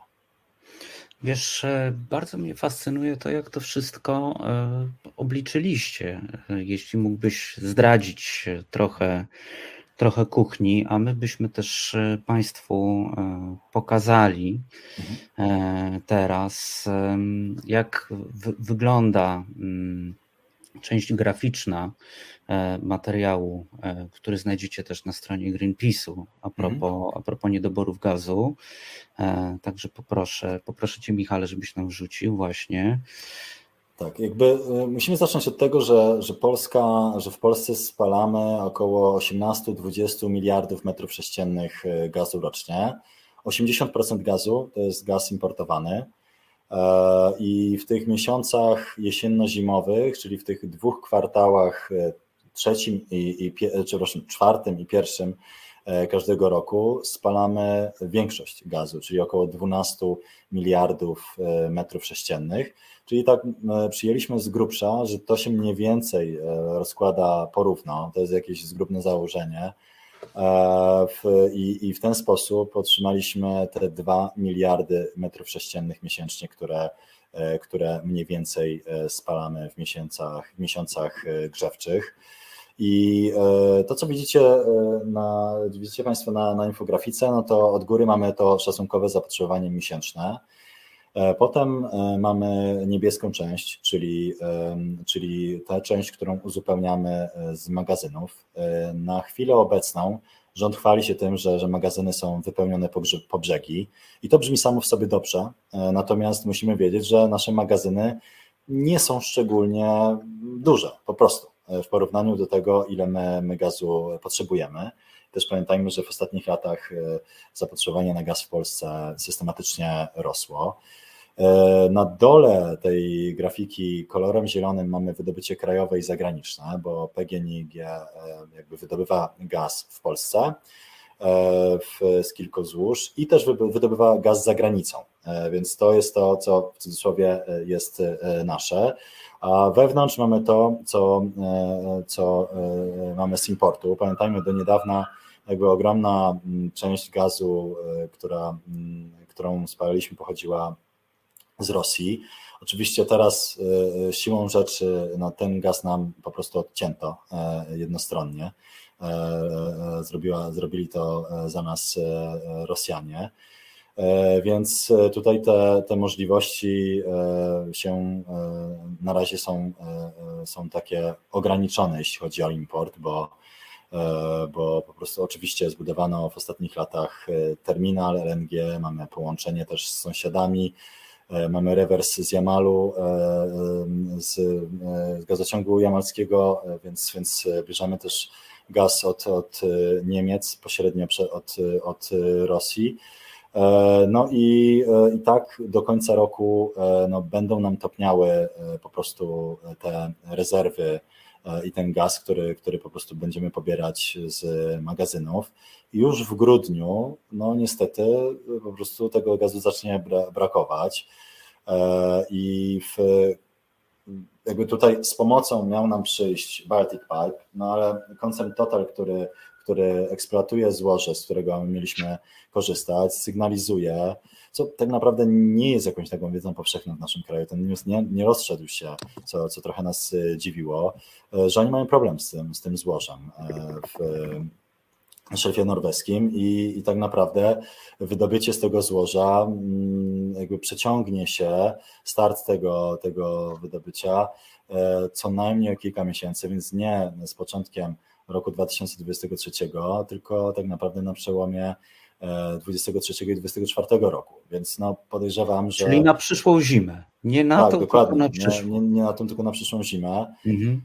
E, Natomiast oczywiście e, jakaś tam część, e, w, e, te, te możliwości importowe się zwiększą e, w, w, wraz z oddaniem Baltic Pipe, ale to nie będzie to, na co e, liczył e, rząd.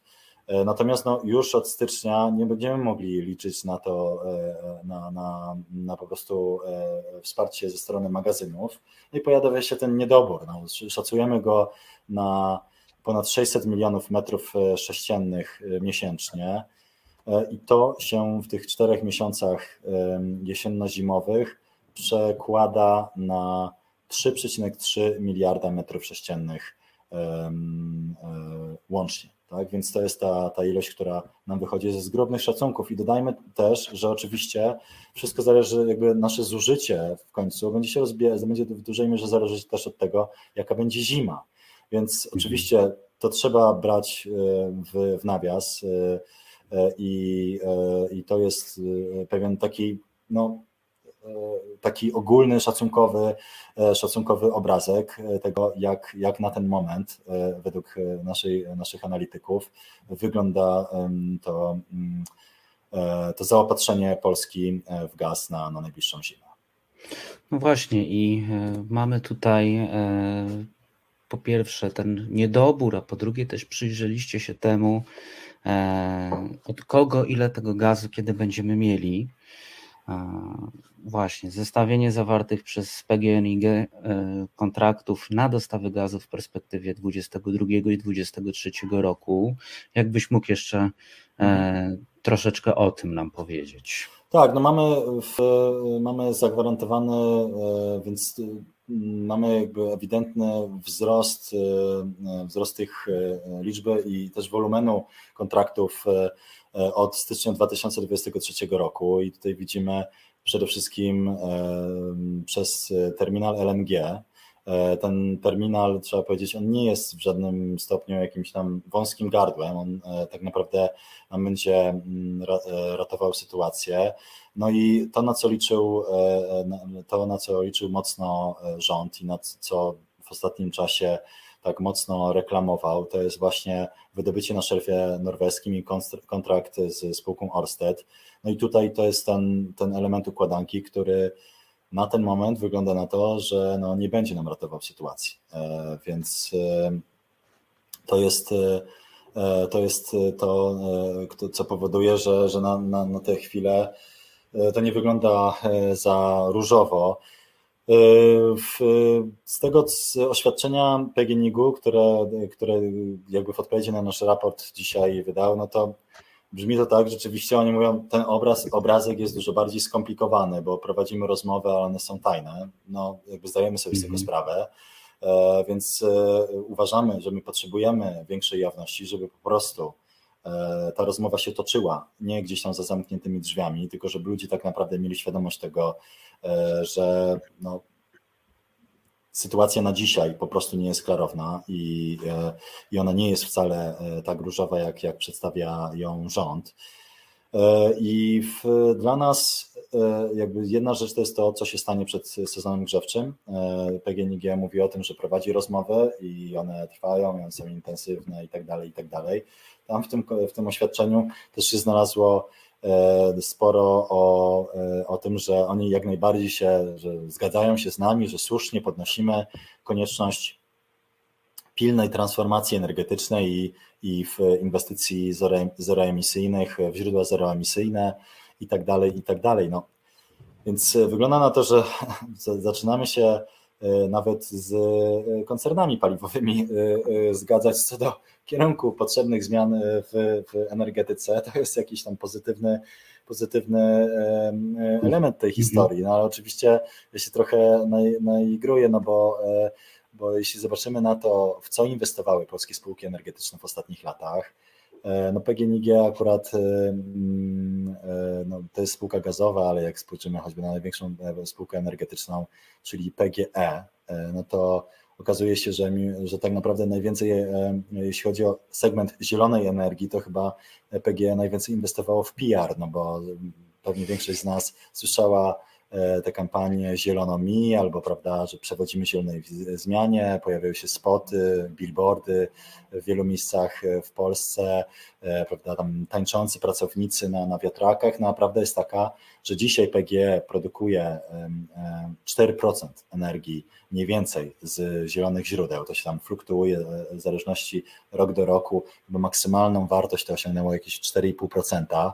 E, w, natomiast e, jeśli popatrzymy na inwestycje PGE, to okazuje się, że w ostatnich 6 latach, 2016-2021, PGE e, inwestowała w odnawialne źródła energii, uwaga, 3,5% swoich nakładów inwestycyjnych. To jest naprawdę tak żałosny wynik, że aż trudno to komentować. I jakby jednocześnie mamy, prawda, rozbuchaną kampanię marketingową, gdzie, gdzie prawda, PGE mówi o tym, że jest liderem zielonej zmiany, że przewodzi zielonej zmianie i tak dalej, i tak dalej. E, ja zacząłem te, te, dane zestawiać nawet e, w sektorze jakby, jakby najbardziej szokująco to chyba wychodzi w sektorze fotowoltaiki, no bo o ile e, prawda, w ostatnich latach mieliśmy taką prawdziwą zieloną rewolucję, taką prosumencką, to znaczy ponad milion Polek i Polaków zainwestowało w fotowoltaikę, więc ja tak z grubsza liczę, że na co piątym domu w Polsce mamy już panele słoneczne. Jest naprawdę, to widać po prostu, jak się jedzie przez polskie wsie, miasteczka, jakby po prostu fotowoltaikę widać. Tak? To jest jakby rzecz, która stała się w ostatnich latach, po prostu trafiła na strzechy. To jest e, e, E, odnosząc się ostatnio, to, to był to, co trafia pod strzechy, to e, może książki Olgi Tokarczyk nie, ale, ale e, fotowoltaika zdecydowanie tak.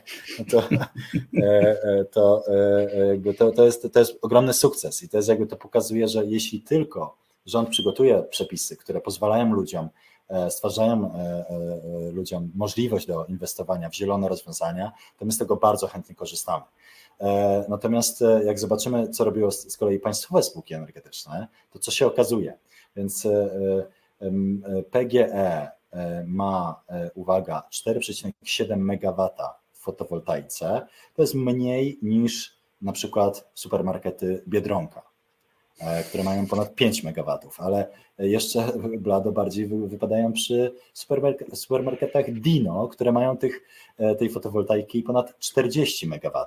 Więc e, to jest takie, to jest coś takiego, że jak sam dotarłem do tych danych, to, to jakby się zastanawiam, czy to jest w ogóle możliwe, czy może po prostu jest tak, że PGE nie zaktualizowało swojej strony internetowej. Zacząłem pisać do tych koncernów energetycznych i na zasadzie, moi drodzy, ile tego macie, bo trochę się nie chcę wierzyć w to, co macie na swoich stronach. No i przykładowo Tauron mi odpisał, że nie, oni jakby najbardziej mają i dlaczego się w ogóle pytam, bo przecież ta informacja jest na stronie internetowej, bo Tauron ma 19 MW, czyli dwa razy mniej niż, niż supermarkety Dino, a i tak jest liderem spośród tych państwowych koncernów energetycznych. Więc to jest tak, że po prostu człowiek się zastanawia, co te państwowe koncerny robiły przez te ostatnie lata. No i oczywiście widać to w nagłówkach gazet, tak? Znaczy, jak zobaczymy mm -hmm. w media, pożar w Jaworzno, to jest akurat moje rodzinne miasto, pożar w elektrowni węglowej Jaworzno nie działa elektrownia Turów, tak? To są wszystko te nagłówki i niestety one po prostu inwestowały w węgiel, więc mamy tak, 6,5 miliarda złotych utopione w. Przypomnę, ten blok, blok węglowy remontowano przez półtora roku, on się zepsuł po pół roku, po tym jak go otwarto. Turów zepsuł się po miesiącu i też działa e, e, z problemami. E, na to wydano 4,3 miliarda złotych. PGE zbudowało też dwa, dwa bloki węglowe w Opolu, na co wydano ponad 11 miliardów złotych, więc po prostu gigantyczne pieniądze topiono w węglu. Ja już nie mówię o Ostrołęce, którą jakby ostrzegaliśmy rząd, jakby ostrzeżenia szły naprawdę zewsząd, no ale jak e, prawda, obiecało się coś w 2015 roku, to w Ostrołęce padły te słynne węglowodany prezesa Kaczyńskiego, kiedy mu się troszeczkę pomyliło z węglowodarami, no to, no to jak się powiedziało A, no to, to już poszli za ciosem i niestety zorientowali się, e, że to jest głupie, gdy, gdy po tym jak wydali na to miliard złotych. Więc no niestety mamy festiwal po prostu bardzo kosztownych pomyłek w energetyce i to byłoby zabawne, gdyby nie było tak tragiczne. To znaczy my dzisiaj naprawdę jesteśmy w sytuacji takiej przedzawałowej. Nasza energetyka jest takim 45-latkiem, który od 25 lat siedzi na kanapie, e, je chipsy, e, ogląda seriale i nie robi nic innego, odżywia się po prostu e, e, pali papierosy i, i mówi, nie, nie, ja jakoś to przeczekam, e, może jak nie będę e, sprawdzał, e, jakie mam ciśnienie, to może nie dostanę zawału. I, i tak po prostu, tak te nasze elity polityczne sobie, e, sobie działały, słuchały tylko podszeptów e, lobby węglowego, jakoś to szło. I e, autentycznie jakby e, nasza polityka polegała na ciągłym zasypywaniu pożarów, tak? na ciągłym gaszeniu e, po- pożarów. E, Dosłownie dzisiaj, znaczy był dosłownie pożar w elektrowni Jaworzno, tam się pa- palił taśmociąg, więc to nie jest takie, to nie jest tylko metafora, to znaczy rzeczywiście tam się po prostu pali, ale oczywiście jakby oprócz tego, że dzisiaj po prostu był pożar w elektrowni Jaworzno, tak my mamy po prostu w ostatnich latach e, ciągłe pożary w energetyce, ciągłe pożary w górnictwie, ciągłe gaszenie tych pożarów gotówką, no bo żeby to wszystko działało, oczywiście są potrzebne ogromne dotacje publiczne. My do tego dosypujemy cały czas, ale to jest taki worek bez dna, to jest worek, którego po prostu, e, który ma, ma po prostu jest cały dziurawy. No i oni e, e, wierzą, że jak będą po prostu tej gotówki e, wsypywać więcej, to jakoś to naprawi sytuację, ale oczywiście w żaden sposób to nie naprawia sytuacji. My doszliśmy chyba do takiego punktu, w którym po prostu trzeba sobie powiedzieć, słuchajcie, zawracamy, myliliśmy się, byliśmy głupi i trzeba zrobić zwrot o 180 stopni, bo po prostu walimy głową w ścianę. I chyba, no nie wiem, mam nadzieję, że do rządu do, to jakoś tam doszło, ale y, w, ale y, w, y, jakby to otrzeźwienie musi przyjść i jakby słychać to już też z biznesu, że jakby tam się kończy po prostu wszelka cierpliwość. E, Dzisiaj się ukazał na wirtualnym Nowym Przemyśle, czyli takim portalu branżowym, który raczej, prawda, idzie tak po linii, ra- raczej stara się e, tutaj nie podpadać rządowi i e, tam się takie są głosy już naprawdę ogromnego zniecierpliwienia, znaczy mówią nie do wiary, że jeszcze nie, nie odblokowano wiatraków, tak, to znaczy tam rzeczywiście biznes stoi w blokach, bo oni mają gotowe projekty, czekają z tym po prostu, żeby wy- wyłożyć te pieniądze, zacząć budowę, pamiętajmy, każdy megawat w elektrowniach wiatrowych obniży nam cenę prądu. Tak? Każdy kolejny panel słoneczny będzie nam e, spowoduje, że my mniej spalimy węgla i będzie e, go mniej brakować i będziemy musieli go mniej importować. Więc dzisiaj rzeczywiście jesteśmy w sytuacji podbramkowej. To nasze uzależnienie, ta polityka uzależniania nas od węgla, gazu, ropy zaprowadziła nas naprawdę w ślepy zaułek i trzeba sobie powiedzieć, my musimy zawrócić no i, e, i oby tak się stało, bo po prostu świat nam ucieka. 19 państw Unii Europejskiej w odpowiedzi na kryzys energetyczny wywołany wo- wojną e, w Ukrainie już jakby wyznaczyło sobie bardziej ambitne cele klimatyczne, a mieliśmy tę infografikę przed chwilą, e, jakbyśmy mogli jeszcze ją do niej wrócić, do tej, do tej infografiki z wiatrakami. Zobaczcie, co się działo. Znaczy, mieliśmy wyraźne wzrosty. Lata 2010-2016 to naprawdę szło naprzód. Byliśmy zdecydowanie mniej zamożnym krajem, ale przykładowo w 2016 roku wydaliśmy 1200, ponad 1200 MW w wiatrakach. To jest naprawdę dużo. To znaczy, że powstało w Polsce kilkaset wiatraków, bo e, e, wiatrak, taki spory wiatrak to jest 1 MW, duży 2 MW, a na morzu już się buduje wiatraki o mocy nawet kilkunastu megawatów. E, To są Mhm. naprawdę potężne konstrukcje, takie wysokości, no niemalże wieży Eiffla, to znaczy ćwierć, one już mają po ćwierć kilometra. I teraz, e, e, jak zobaczymy, jaki był efekt tej, tej, tej niesławnej ustawy antywiatrakowej, to tak naprawdę przez te ostatnie 6 lat zbudowaliśmy mniej więcej tyle, co w samym 2016 roku. Znaczy, to jest po prostu coś niebywałego. Przez ostatnie 6 lat powstało w Polsce 1500 MW elektrowni wiatrowych, czyli no, to nie jest wiele więcej niż, niż w samym roku 2016. Więc e, to trochę mówi samo za siebie. E, Niemcy w ostatnich, e, w, w tym samym czasie zbudowali 10 razy więcej elektrowni wiatrowych. Ktoś powie, ok, to są Niemcy, to jest zupełnie inna gospodarka. Oczywiście to nie możemy tego jeden do jednego porównywać, ale nic nie stoi na przeszkodzie, żeby, żeby pamiętajmy, że my też tam też to nasycenie wiatrakami już jest inne. Niemcy mają kilkadziesiąt e, tysięcy megawatów, my mamy e, 7, ponad 7 tysięcy megawatów, czyli 7 gigawatów. E, Niemcy mają ponad e, 50, jeśli dobrze pamiętam. E, Więc e, też jakby z kolei jakby trudniej jest znaleźć im kolejne przestrzenie e, e, pod, e, pod wiatraki. U nas jednak ten, ten rynek jest mniej wysycony, tak? To znaczy u nas tych wiatraków, no, ten rynek mógłby się po prostu rozwijać w szybkim tempie, no bo po prostu to, to jest dalej ta, taki etap, gdzie, gdzie, gdzie, gdzie o te tereny nie byłoby trudno, no ale niestety po prostu wylano dziecko z kąpielą, zrobiono takie przepisy, które były po to, żeby po prostu wywrócić stolik i to się udało, no ale oczywiście z jakąkolwiek racjonalnością to nie miało nic wspólnego. I, tak to jest. Znaczy, my jesteśmy trochę zakładnikami ludzi, e, takich jak pani e, posłanka e, Anna Zalewska w kwestiach energetyki, są jakimś, jakimś takim totalnym betonem. A jak zobaczymy na badaniu opinii publicznej, to tak naprawdę badanie za badaniem pokazuje, że my możemy się w różnych sprawach naprawdę różnić i rzeczywiście jesteśmy jako społeczeństwo no, bardzo spolaryzowani i ta polaryzacja była wyraźna w ostatnich latach, ale w kwestiach ochrony środowiska czy energetyki my jesteśmy zaskakująco zgodni. To znaczy, jeśli pytamy Polaków o to, w którym kierunku powinna iść energetyka w Polsce, to około 80% z nas mówi w, kierunku zielonej energii. I jesteśmy za tym, aby po prostu z tych technologii jak najszerzej korzystać. Więc to jest rzecz naprawdę zdumiewająca, że my jesteśmy, że znaleźliśmy się e, trochę, e, no, tak naprawdę na, na własne e, życzenie, znaczy na życzenie po prostu rządu, bo, bo ta układanka rządowa, która jest w ostatnich latach, to też nie jest tak, że w tym rządzie wszyscy są tak twardogłowi, e, twardogłowym, twardogłowym betonem e, węglowym, ale niestety ci ludzie, którzy byli u władzy i decydowali, no po prostu sprawili, że, że brnęliśmy w tym, w tym węglowym kierunku i jesteśmy niestety tym ślepym załuku teraz. Wiesz, właśnie miałem Cię zapytać, ale właściwie z tego, co mówisz, to też e, wynika, że również dla Ciebie jest to zagadką.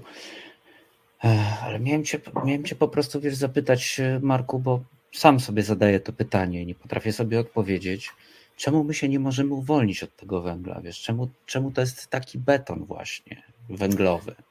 Wiesz co, jakby to jest ciekawe pytanie i dla mnie to jest z takiej perspektywy też socjologicznej bardzo, bardzo ciekawe, bo jakby można na to patrzeć e, na wielu poziomach. Ja sam pochodzę z e, rodziny górniczej, z, to znaczy mój pradziadek pracował na kopalni, jakby znam mm, to środowisko i jakby znam też historię, to znaczy wiemy, że w PRL-u tak zwana Grupa Śląska jakby miała bardzo du dużo do powiedzenia i rzeczywiście mhm. węgiel był tym, tą rzeczą, która, która no, decydowała o polskiej polityce. To był nasz jeden, głównych, jeden z głównych e, materiałów e, eksportowych i rzeczywiście jakby polska gospodarka była w dużej mierze oparta na węglu, ale pamiętajmy, że te czasy minęły. To znaczy, jak zobaczymy na, e, na liczby, no to okazuje się, że, e, że ten złote czasy dla polskiego węgla to były lata 70., kiedy, kiedy rzeczywiście byliśmy jedną ze światowych potęg e, też w wydobyciu i w eksporcie.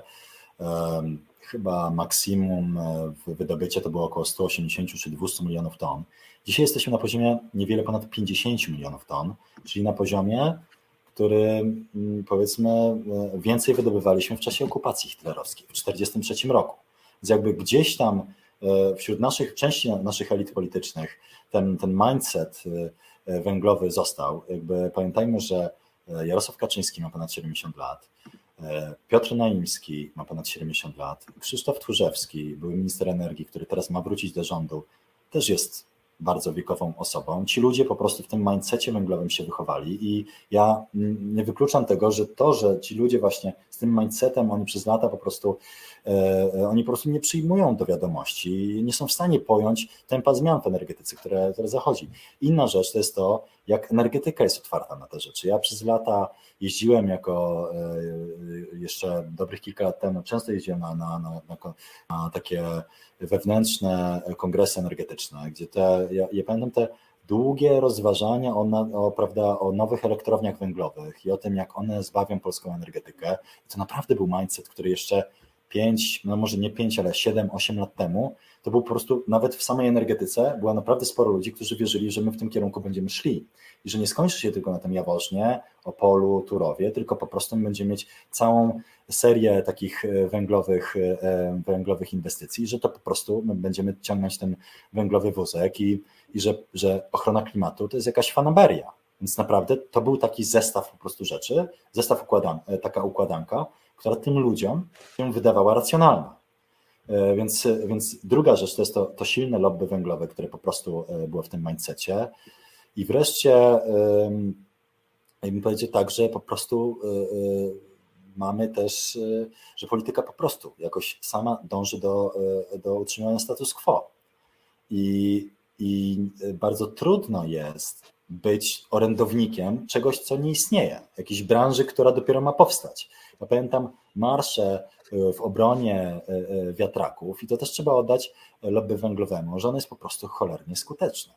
Jakby e, my e, jesteśmy, żyjemy w kraju, w którym związki zawodowe nie istnieją poza górnictwem. E, Poziom uzwiązkowienia w górnictwie jest ponad 100%. To znaczy, no brzmi to jak absurd, ale tak jest. To znaczy, część górników po prostu przynależy do więcej niż jednego związku zawodowego i takie są efekty. Więc jakby górnicy byli cholernie skuteczni, trzeba im to oddać, że oni po prostu umieli walczyć o swoje prawa. E, Energetyka nie musiała często lobbować, górnicy nie musieli lobbować, bo po prostu e, em, nasi politycy e, po- e, no, uważali, że oni nie muszą być w kwestiach energetycznych przedstawicielami ogółu społeczeństwa. Oni utożsamiali interes społeczny z interesem spółek energetycznych, więc, e, więc e, czy, czy też e, spółek węglowych. Więc no, to jest taki splot bardzo wielu niekorzystnych wydarzeń. A jeśli dodamy do tego takie historie z pogranicza, gdzieś tam po prostu historii niedowiary w, w stylu minister energii e, e, lobbuje za fatalną inwestycją, patrz, elektrownia Ostrołęka. Jego Mhm. syn tym samym czasie startuje na burmistrza miasta e, e, położonego nieopodal Ostrołęki, skąd, gdzie z kolei siedzibę ma firma, która ma budować te, e, te elektrownie.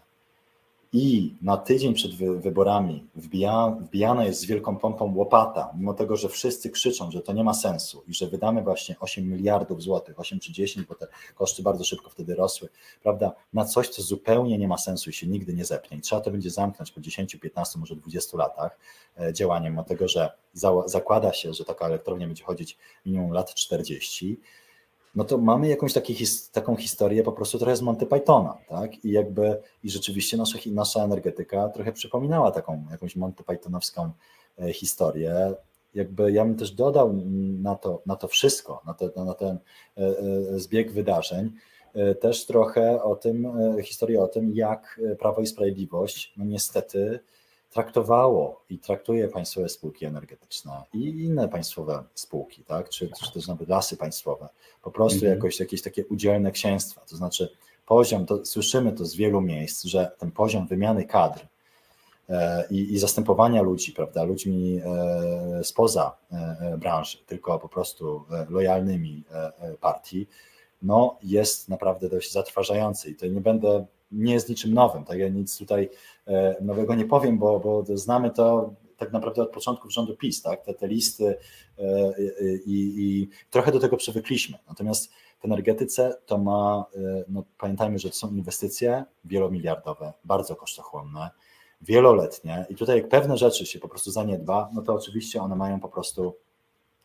bardzo dalekosiężne skutki. I my te skutki po prostu bardzo mm, zaczynamy silne e, odczuwać i, e, i, e, no i nie wiadomo co będzie dalej. To znaczy myślę, że nas czeka taka dekada po prostu gaszenia pożarów i ten, kto wygra następne wybory, będzie miał naprawdę bardzo trudny orzech do, do zgryzienia, co zrobić z polską energetyką i, i co robić dalej.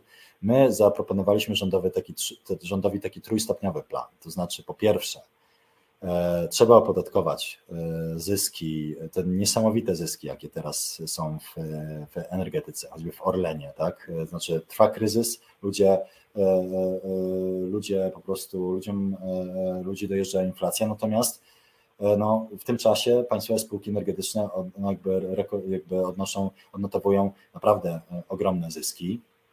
Jeśli pójdziemy e, tropem innych państw Unii Europejskiej, które opodatkowują te, te nadzwyczajne zyski w czasach kryzysu, e, no to my możemy zyskać e, do, do budżetu dodatkowe 37 miliardów złotych tylko w tym roku.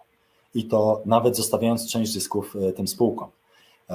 Rumunia przykładowo. To już na ten 80 węgiel by było. Wybacz, Znaczy, żart, ale to już na ten Wiesz, węgiel by było. Jakby, wiesz, właśnie najważniejsze jest to, żeby.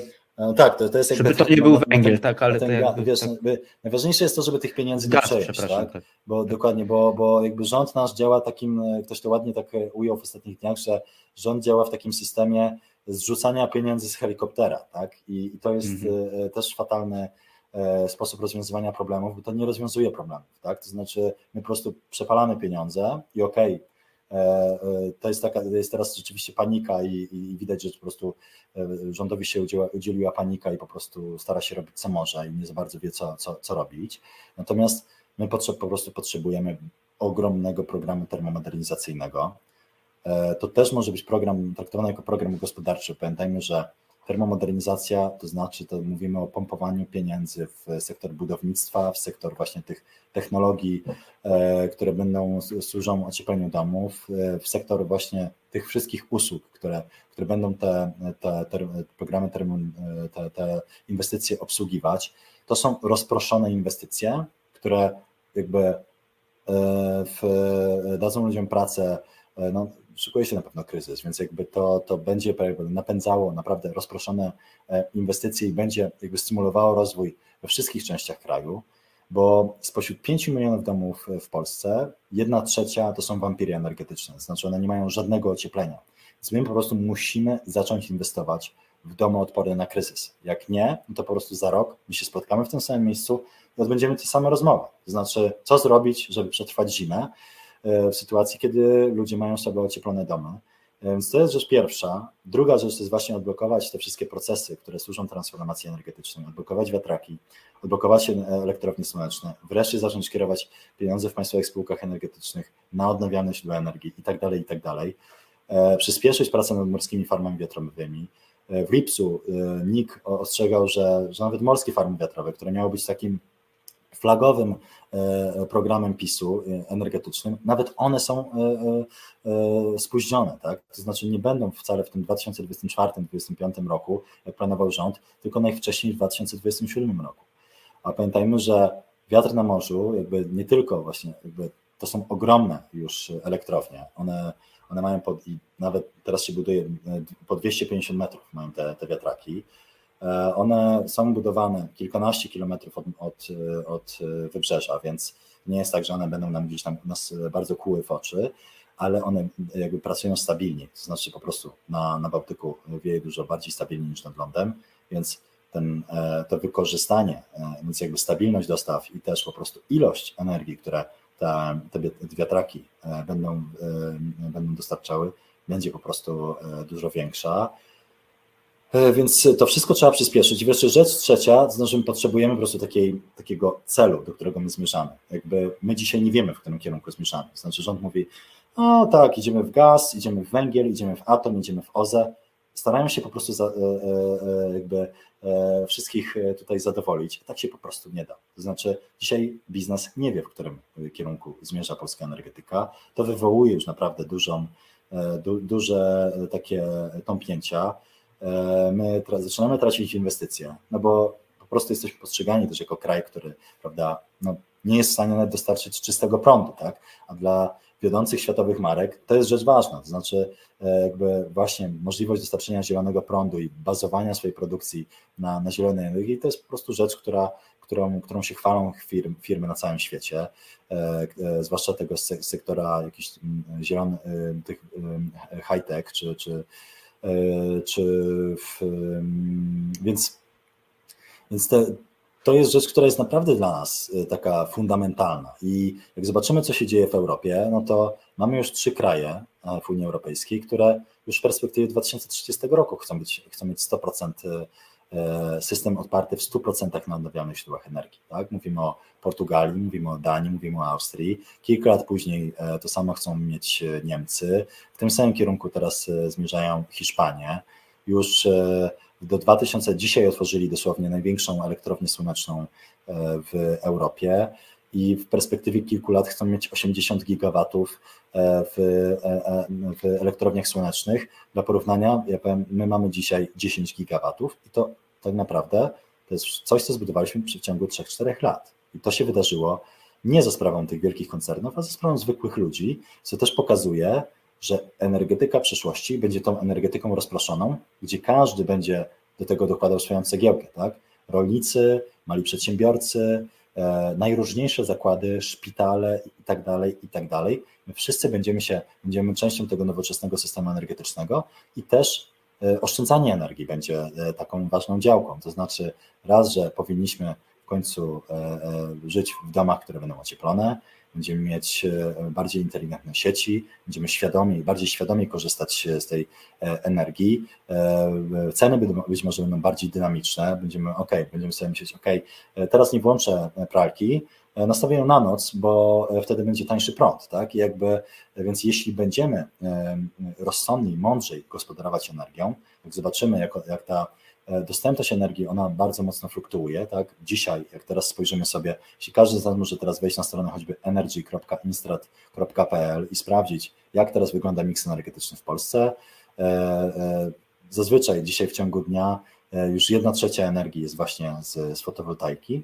z tych małych przydomowych instalacji i regularnie mamy tego lata takie sytuacje, że fotowoltaika przegania węgiel brunatny E, w tym, w tym naszym miksie i wskakuje na drugie miejsce za węgiel kamienny, e, jeśli chodzi o te technologie produkcji energii.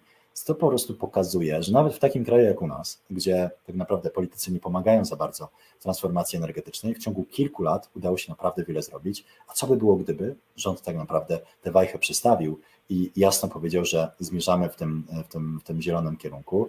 Więc jeśli tylko to się wydarzy, jestem przekonany, że my po prostu będziemy zaskakiwani co roku. Znaczy pompy ciepła, fotowoltaika, ocieplanie domów, to wszystko ruszy i, i na pewno jakby polskie społeczeństwo jest naprawdę niesamowite, jeśli chodzi o innowacyjność, o y, możliwość adaptacji.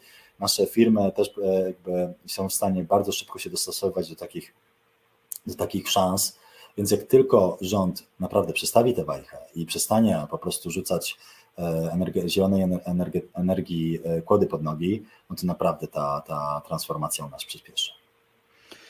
Wiesz, e, uprzedziłeś trochę moje pytanie, więc tak e, tylko dopowiem, bo ten przykład tego rozwoju, wiesz, w ostatnich 4-5 latach jest absolutnie fascynujący. Tu się z Tobą zgadzam, wiesz, że, że ludzie w to po prostu poszli. Zresztą prosty przykład. W zeszłym roku byłem, byłem u kuzyna, gdzieś tam wybudował dom parę lat temu. No był dom, w tym roku przyjechałem, cały dach zastawiony fotowoltaiką, wiesz, e, to, to chciałem cię zapytać, e, bo trochę uciekłem w dywagację, chciałem cię zapytać po prostu, wiesz, bo du, dużo się mówiło do tej pory, to też pewnie oczywiście lobby e, między innymi paliw kopalnych, czyli dużo się mówiło o tym, że to OZT nie da rady właśnie. Mhm. Pamiętam dyskusję jeszcze w zeszłym roku, czy dwa lata temu, kiedy mówiło się, że są jakby dwie szkoły, tak? Czyli e, albo bierzemy OZT, albo Atom, e, albo to mieszamy. Potem ci, którzy mówili, że albo, albo, mówili, że nie da rady tego mieszać, prawda? E, no i właśnie, to jest chyba ostatnie pytanie jeszcze z takich wszelkich ale, jeśli chodzi o rozważania, chociaż myślę, że opowieścią o tym, jak to OZT się w tym momencie rozwija, przynajmniej moje wątpliwości rozwiałeś. Słuchaj, a co z tym atomem właśnie? Jest nam potrzebna jakaś, nie wiem, w zapasie elektrownia atomowa na jakiś wiesz, okres przejściowy? W założeniu jakby, wiesz, atom jest taką technologią, która, która w założeniu ma pracować w podstawie. Znaczy ona nie może być jakimś tam zapasem, jakąś rezerwą, bo po prostu ona mhm. powinna działać e, e, i, i chodzić po prostu. E, taką, taką Kiedyś myślano o, o gazie jako takim paliwie przejściowym, ale ta teoria bardzo szybko upadła i jakby dzisiaj już wiemy, że gaz to nie jest paliwo przejściowe, które, które możemy e, jakby inwestować, bo po prostu możemy wpaść w pułapkę gazową e, i właśnie tak naprawdę no, na wiele lat się uwiązać e, w gazie. To, co wydaje się jakby, pamiętajmy, polski program atomowy istnieje i on się ma dobrze to znaczy, wielu ludzi z niego dobrze żyje. Na pewno wielu ludzi dobrze na nim zarabia, jestem przekonany i to od wielu, wielu lat. Natomiast nam jako społeczeństwo no, jeszcze nie dał nic. To znaczy, od wielu, wielu lat prawda, trwają gdzieś tam e, e jakieś prace koncepcyjne. E, I pamiętajmy, że od momentu wbicia pierwszej łopaty, no to tak naprawdę do, do, do produkcji energii z atomu to je, miną długie lata. I to też pokazuje, wydaje się, że no, już dzisiaj to jest 100% pewne, że ten nawet nowa strategia energetyczna Polski, przyjęta już przez rząd Prawa i Sprawiedliwości, już jest nieaktualna również w tym względzie. To znaczy nie tylko. Czyli chcesz na... powiedzieć, że atom już jest spóźniony, Ale bo OZE już to... się dzieje, a atom jest Znaczy- nadal w takim wiesz, na jakby- etapie koncepcji, tak? Znaczy, rządowa strategia zakłada, że my pierwszy reaktor atomowy odpalimy w 2033 roku, ale jakby nie ma w Polsce osoby, która w to wierzy. To znaczy, nawet już z obozu rząd, rząd, rząd, e, rządowego e, oficjalnie płyną komunikaty, znaczy w mediach, że mm, raczej mówimy o roku 38-40. E, nie sądzę, żeby Jarosław Kaczyński, Kaczyński się zdecydował jakby e, ogłosić tę budowę przed wyborami, bo pamiętajmy, że to jest po prostu cholernie drogie, a u nas e, pieniędzy teraz no, to jest towar zdecydowanie deficytowy. E, A żeby zbudować atomy, po prostu potrzebujemy wielomiliardowych, to są, to są pieniądze liczone w dziesiątkach miliardów złotych i po prostu trzeba by przez lata konsekwentnie w to inwestować i dopiero za wiele, wiele lat móc otworzyć te E, te elektrownie. Więc z punktu widzenia polityka przeciętnego e, rządzącego w Polsce, no, widzimy od razu ogromne e, tutaj ogromne, ogromny minus tej technologii, więc to jest pewnie największa przyczyna, dla której atom w Polsce nie powstał. I najpewniej atom w Polsce po prostu nie powstanie. I też mówimy sobie szczerze, jakby w Europie to jest, to jest taka technologia, która jest w stagnacji, E, to znaczy, wszystkie budowy, które obecnie trwają w Europie, są, mają przewalone terminy, e, mają przewalone budżety. e, i mówimy o krajach, które mają know-how w budowaniu. Tak? Znaczy, to się nie wydarza gdzieś tam, nie wiem, w kraju, który dopiero się tego uczy, tylko w krajach takich jak Finlandia, Francja czy Wielka Brytania, które mają moce w energetyce atomowej. Natomiast pamiętajmy, że jest coś takiego jak pewna E, to, to jest technologia, atom bardzo dynamicznie się rozwijał, na przykład w latach 70. i wtedy była taka fala, kiedy zbudowano naprawdę wiele, e, wiele elektrowni w Europie. Natomiast teraz jest jakaś taka luka e, na pewno w know-how. To też jest inna technologia, dużo bardziej kosztowna niż, niż wtedy, więc to jakby nie bez przyczyny, no po prostu atom jest w pewnym kryzysie, można powiedzieć, w stagnacji w Europie i, i większość krajów Unii Europejskiej, Wielka Brytania tak samo widzi jednak przyszłość w, w odnawialnych źródłach energii. Powiem tak, że konserwatywny rząd Wielkiej Brytanii planuje ponad połowę e, energii mieć e, już w 2030 roku tylko z samych morskich farm wiatrowych. Tak? Oczywiście Wielka Brytania jest morskim krajem, jest wyspą, więc e, oczywiście mają duży dostęp do, do, do morza i, i ogromne możliwości, ale też my też mamy dostęp do Bałtyku i na samym Morzu Bałtyckim szacuje się, to są e, dane z raportu Najwyższej Izby Kontroli, że na Bałtyku możemy postawić 28 tysięcy megawatów e, w tych elektrowniach wiatrowych.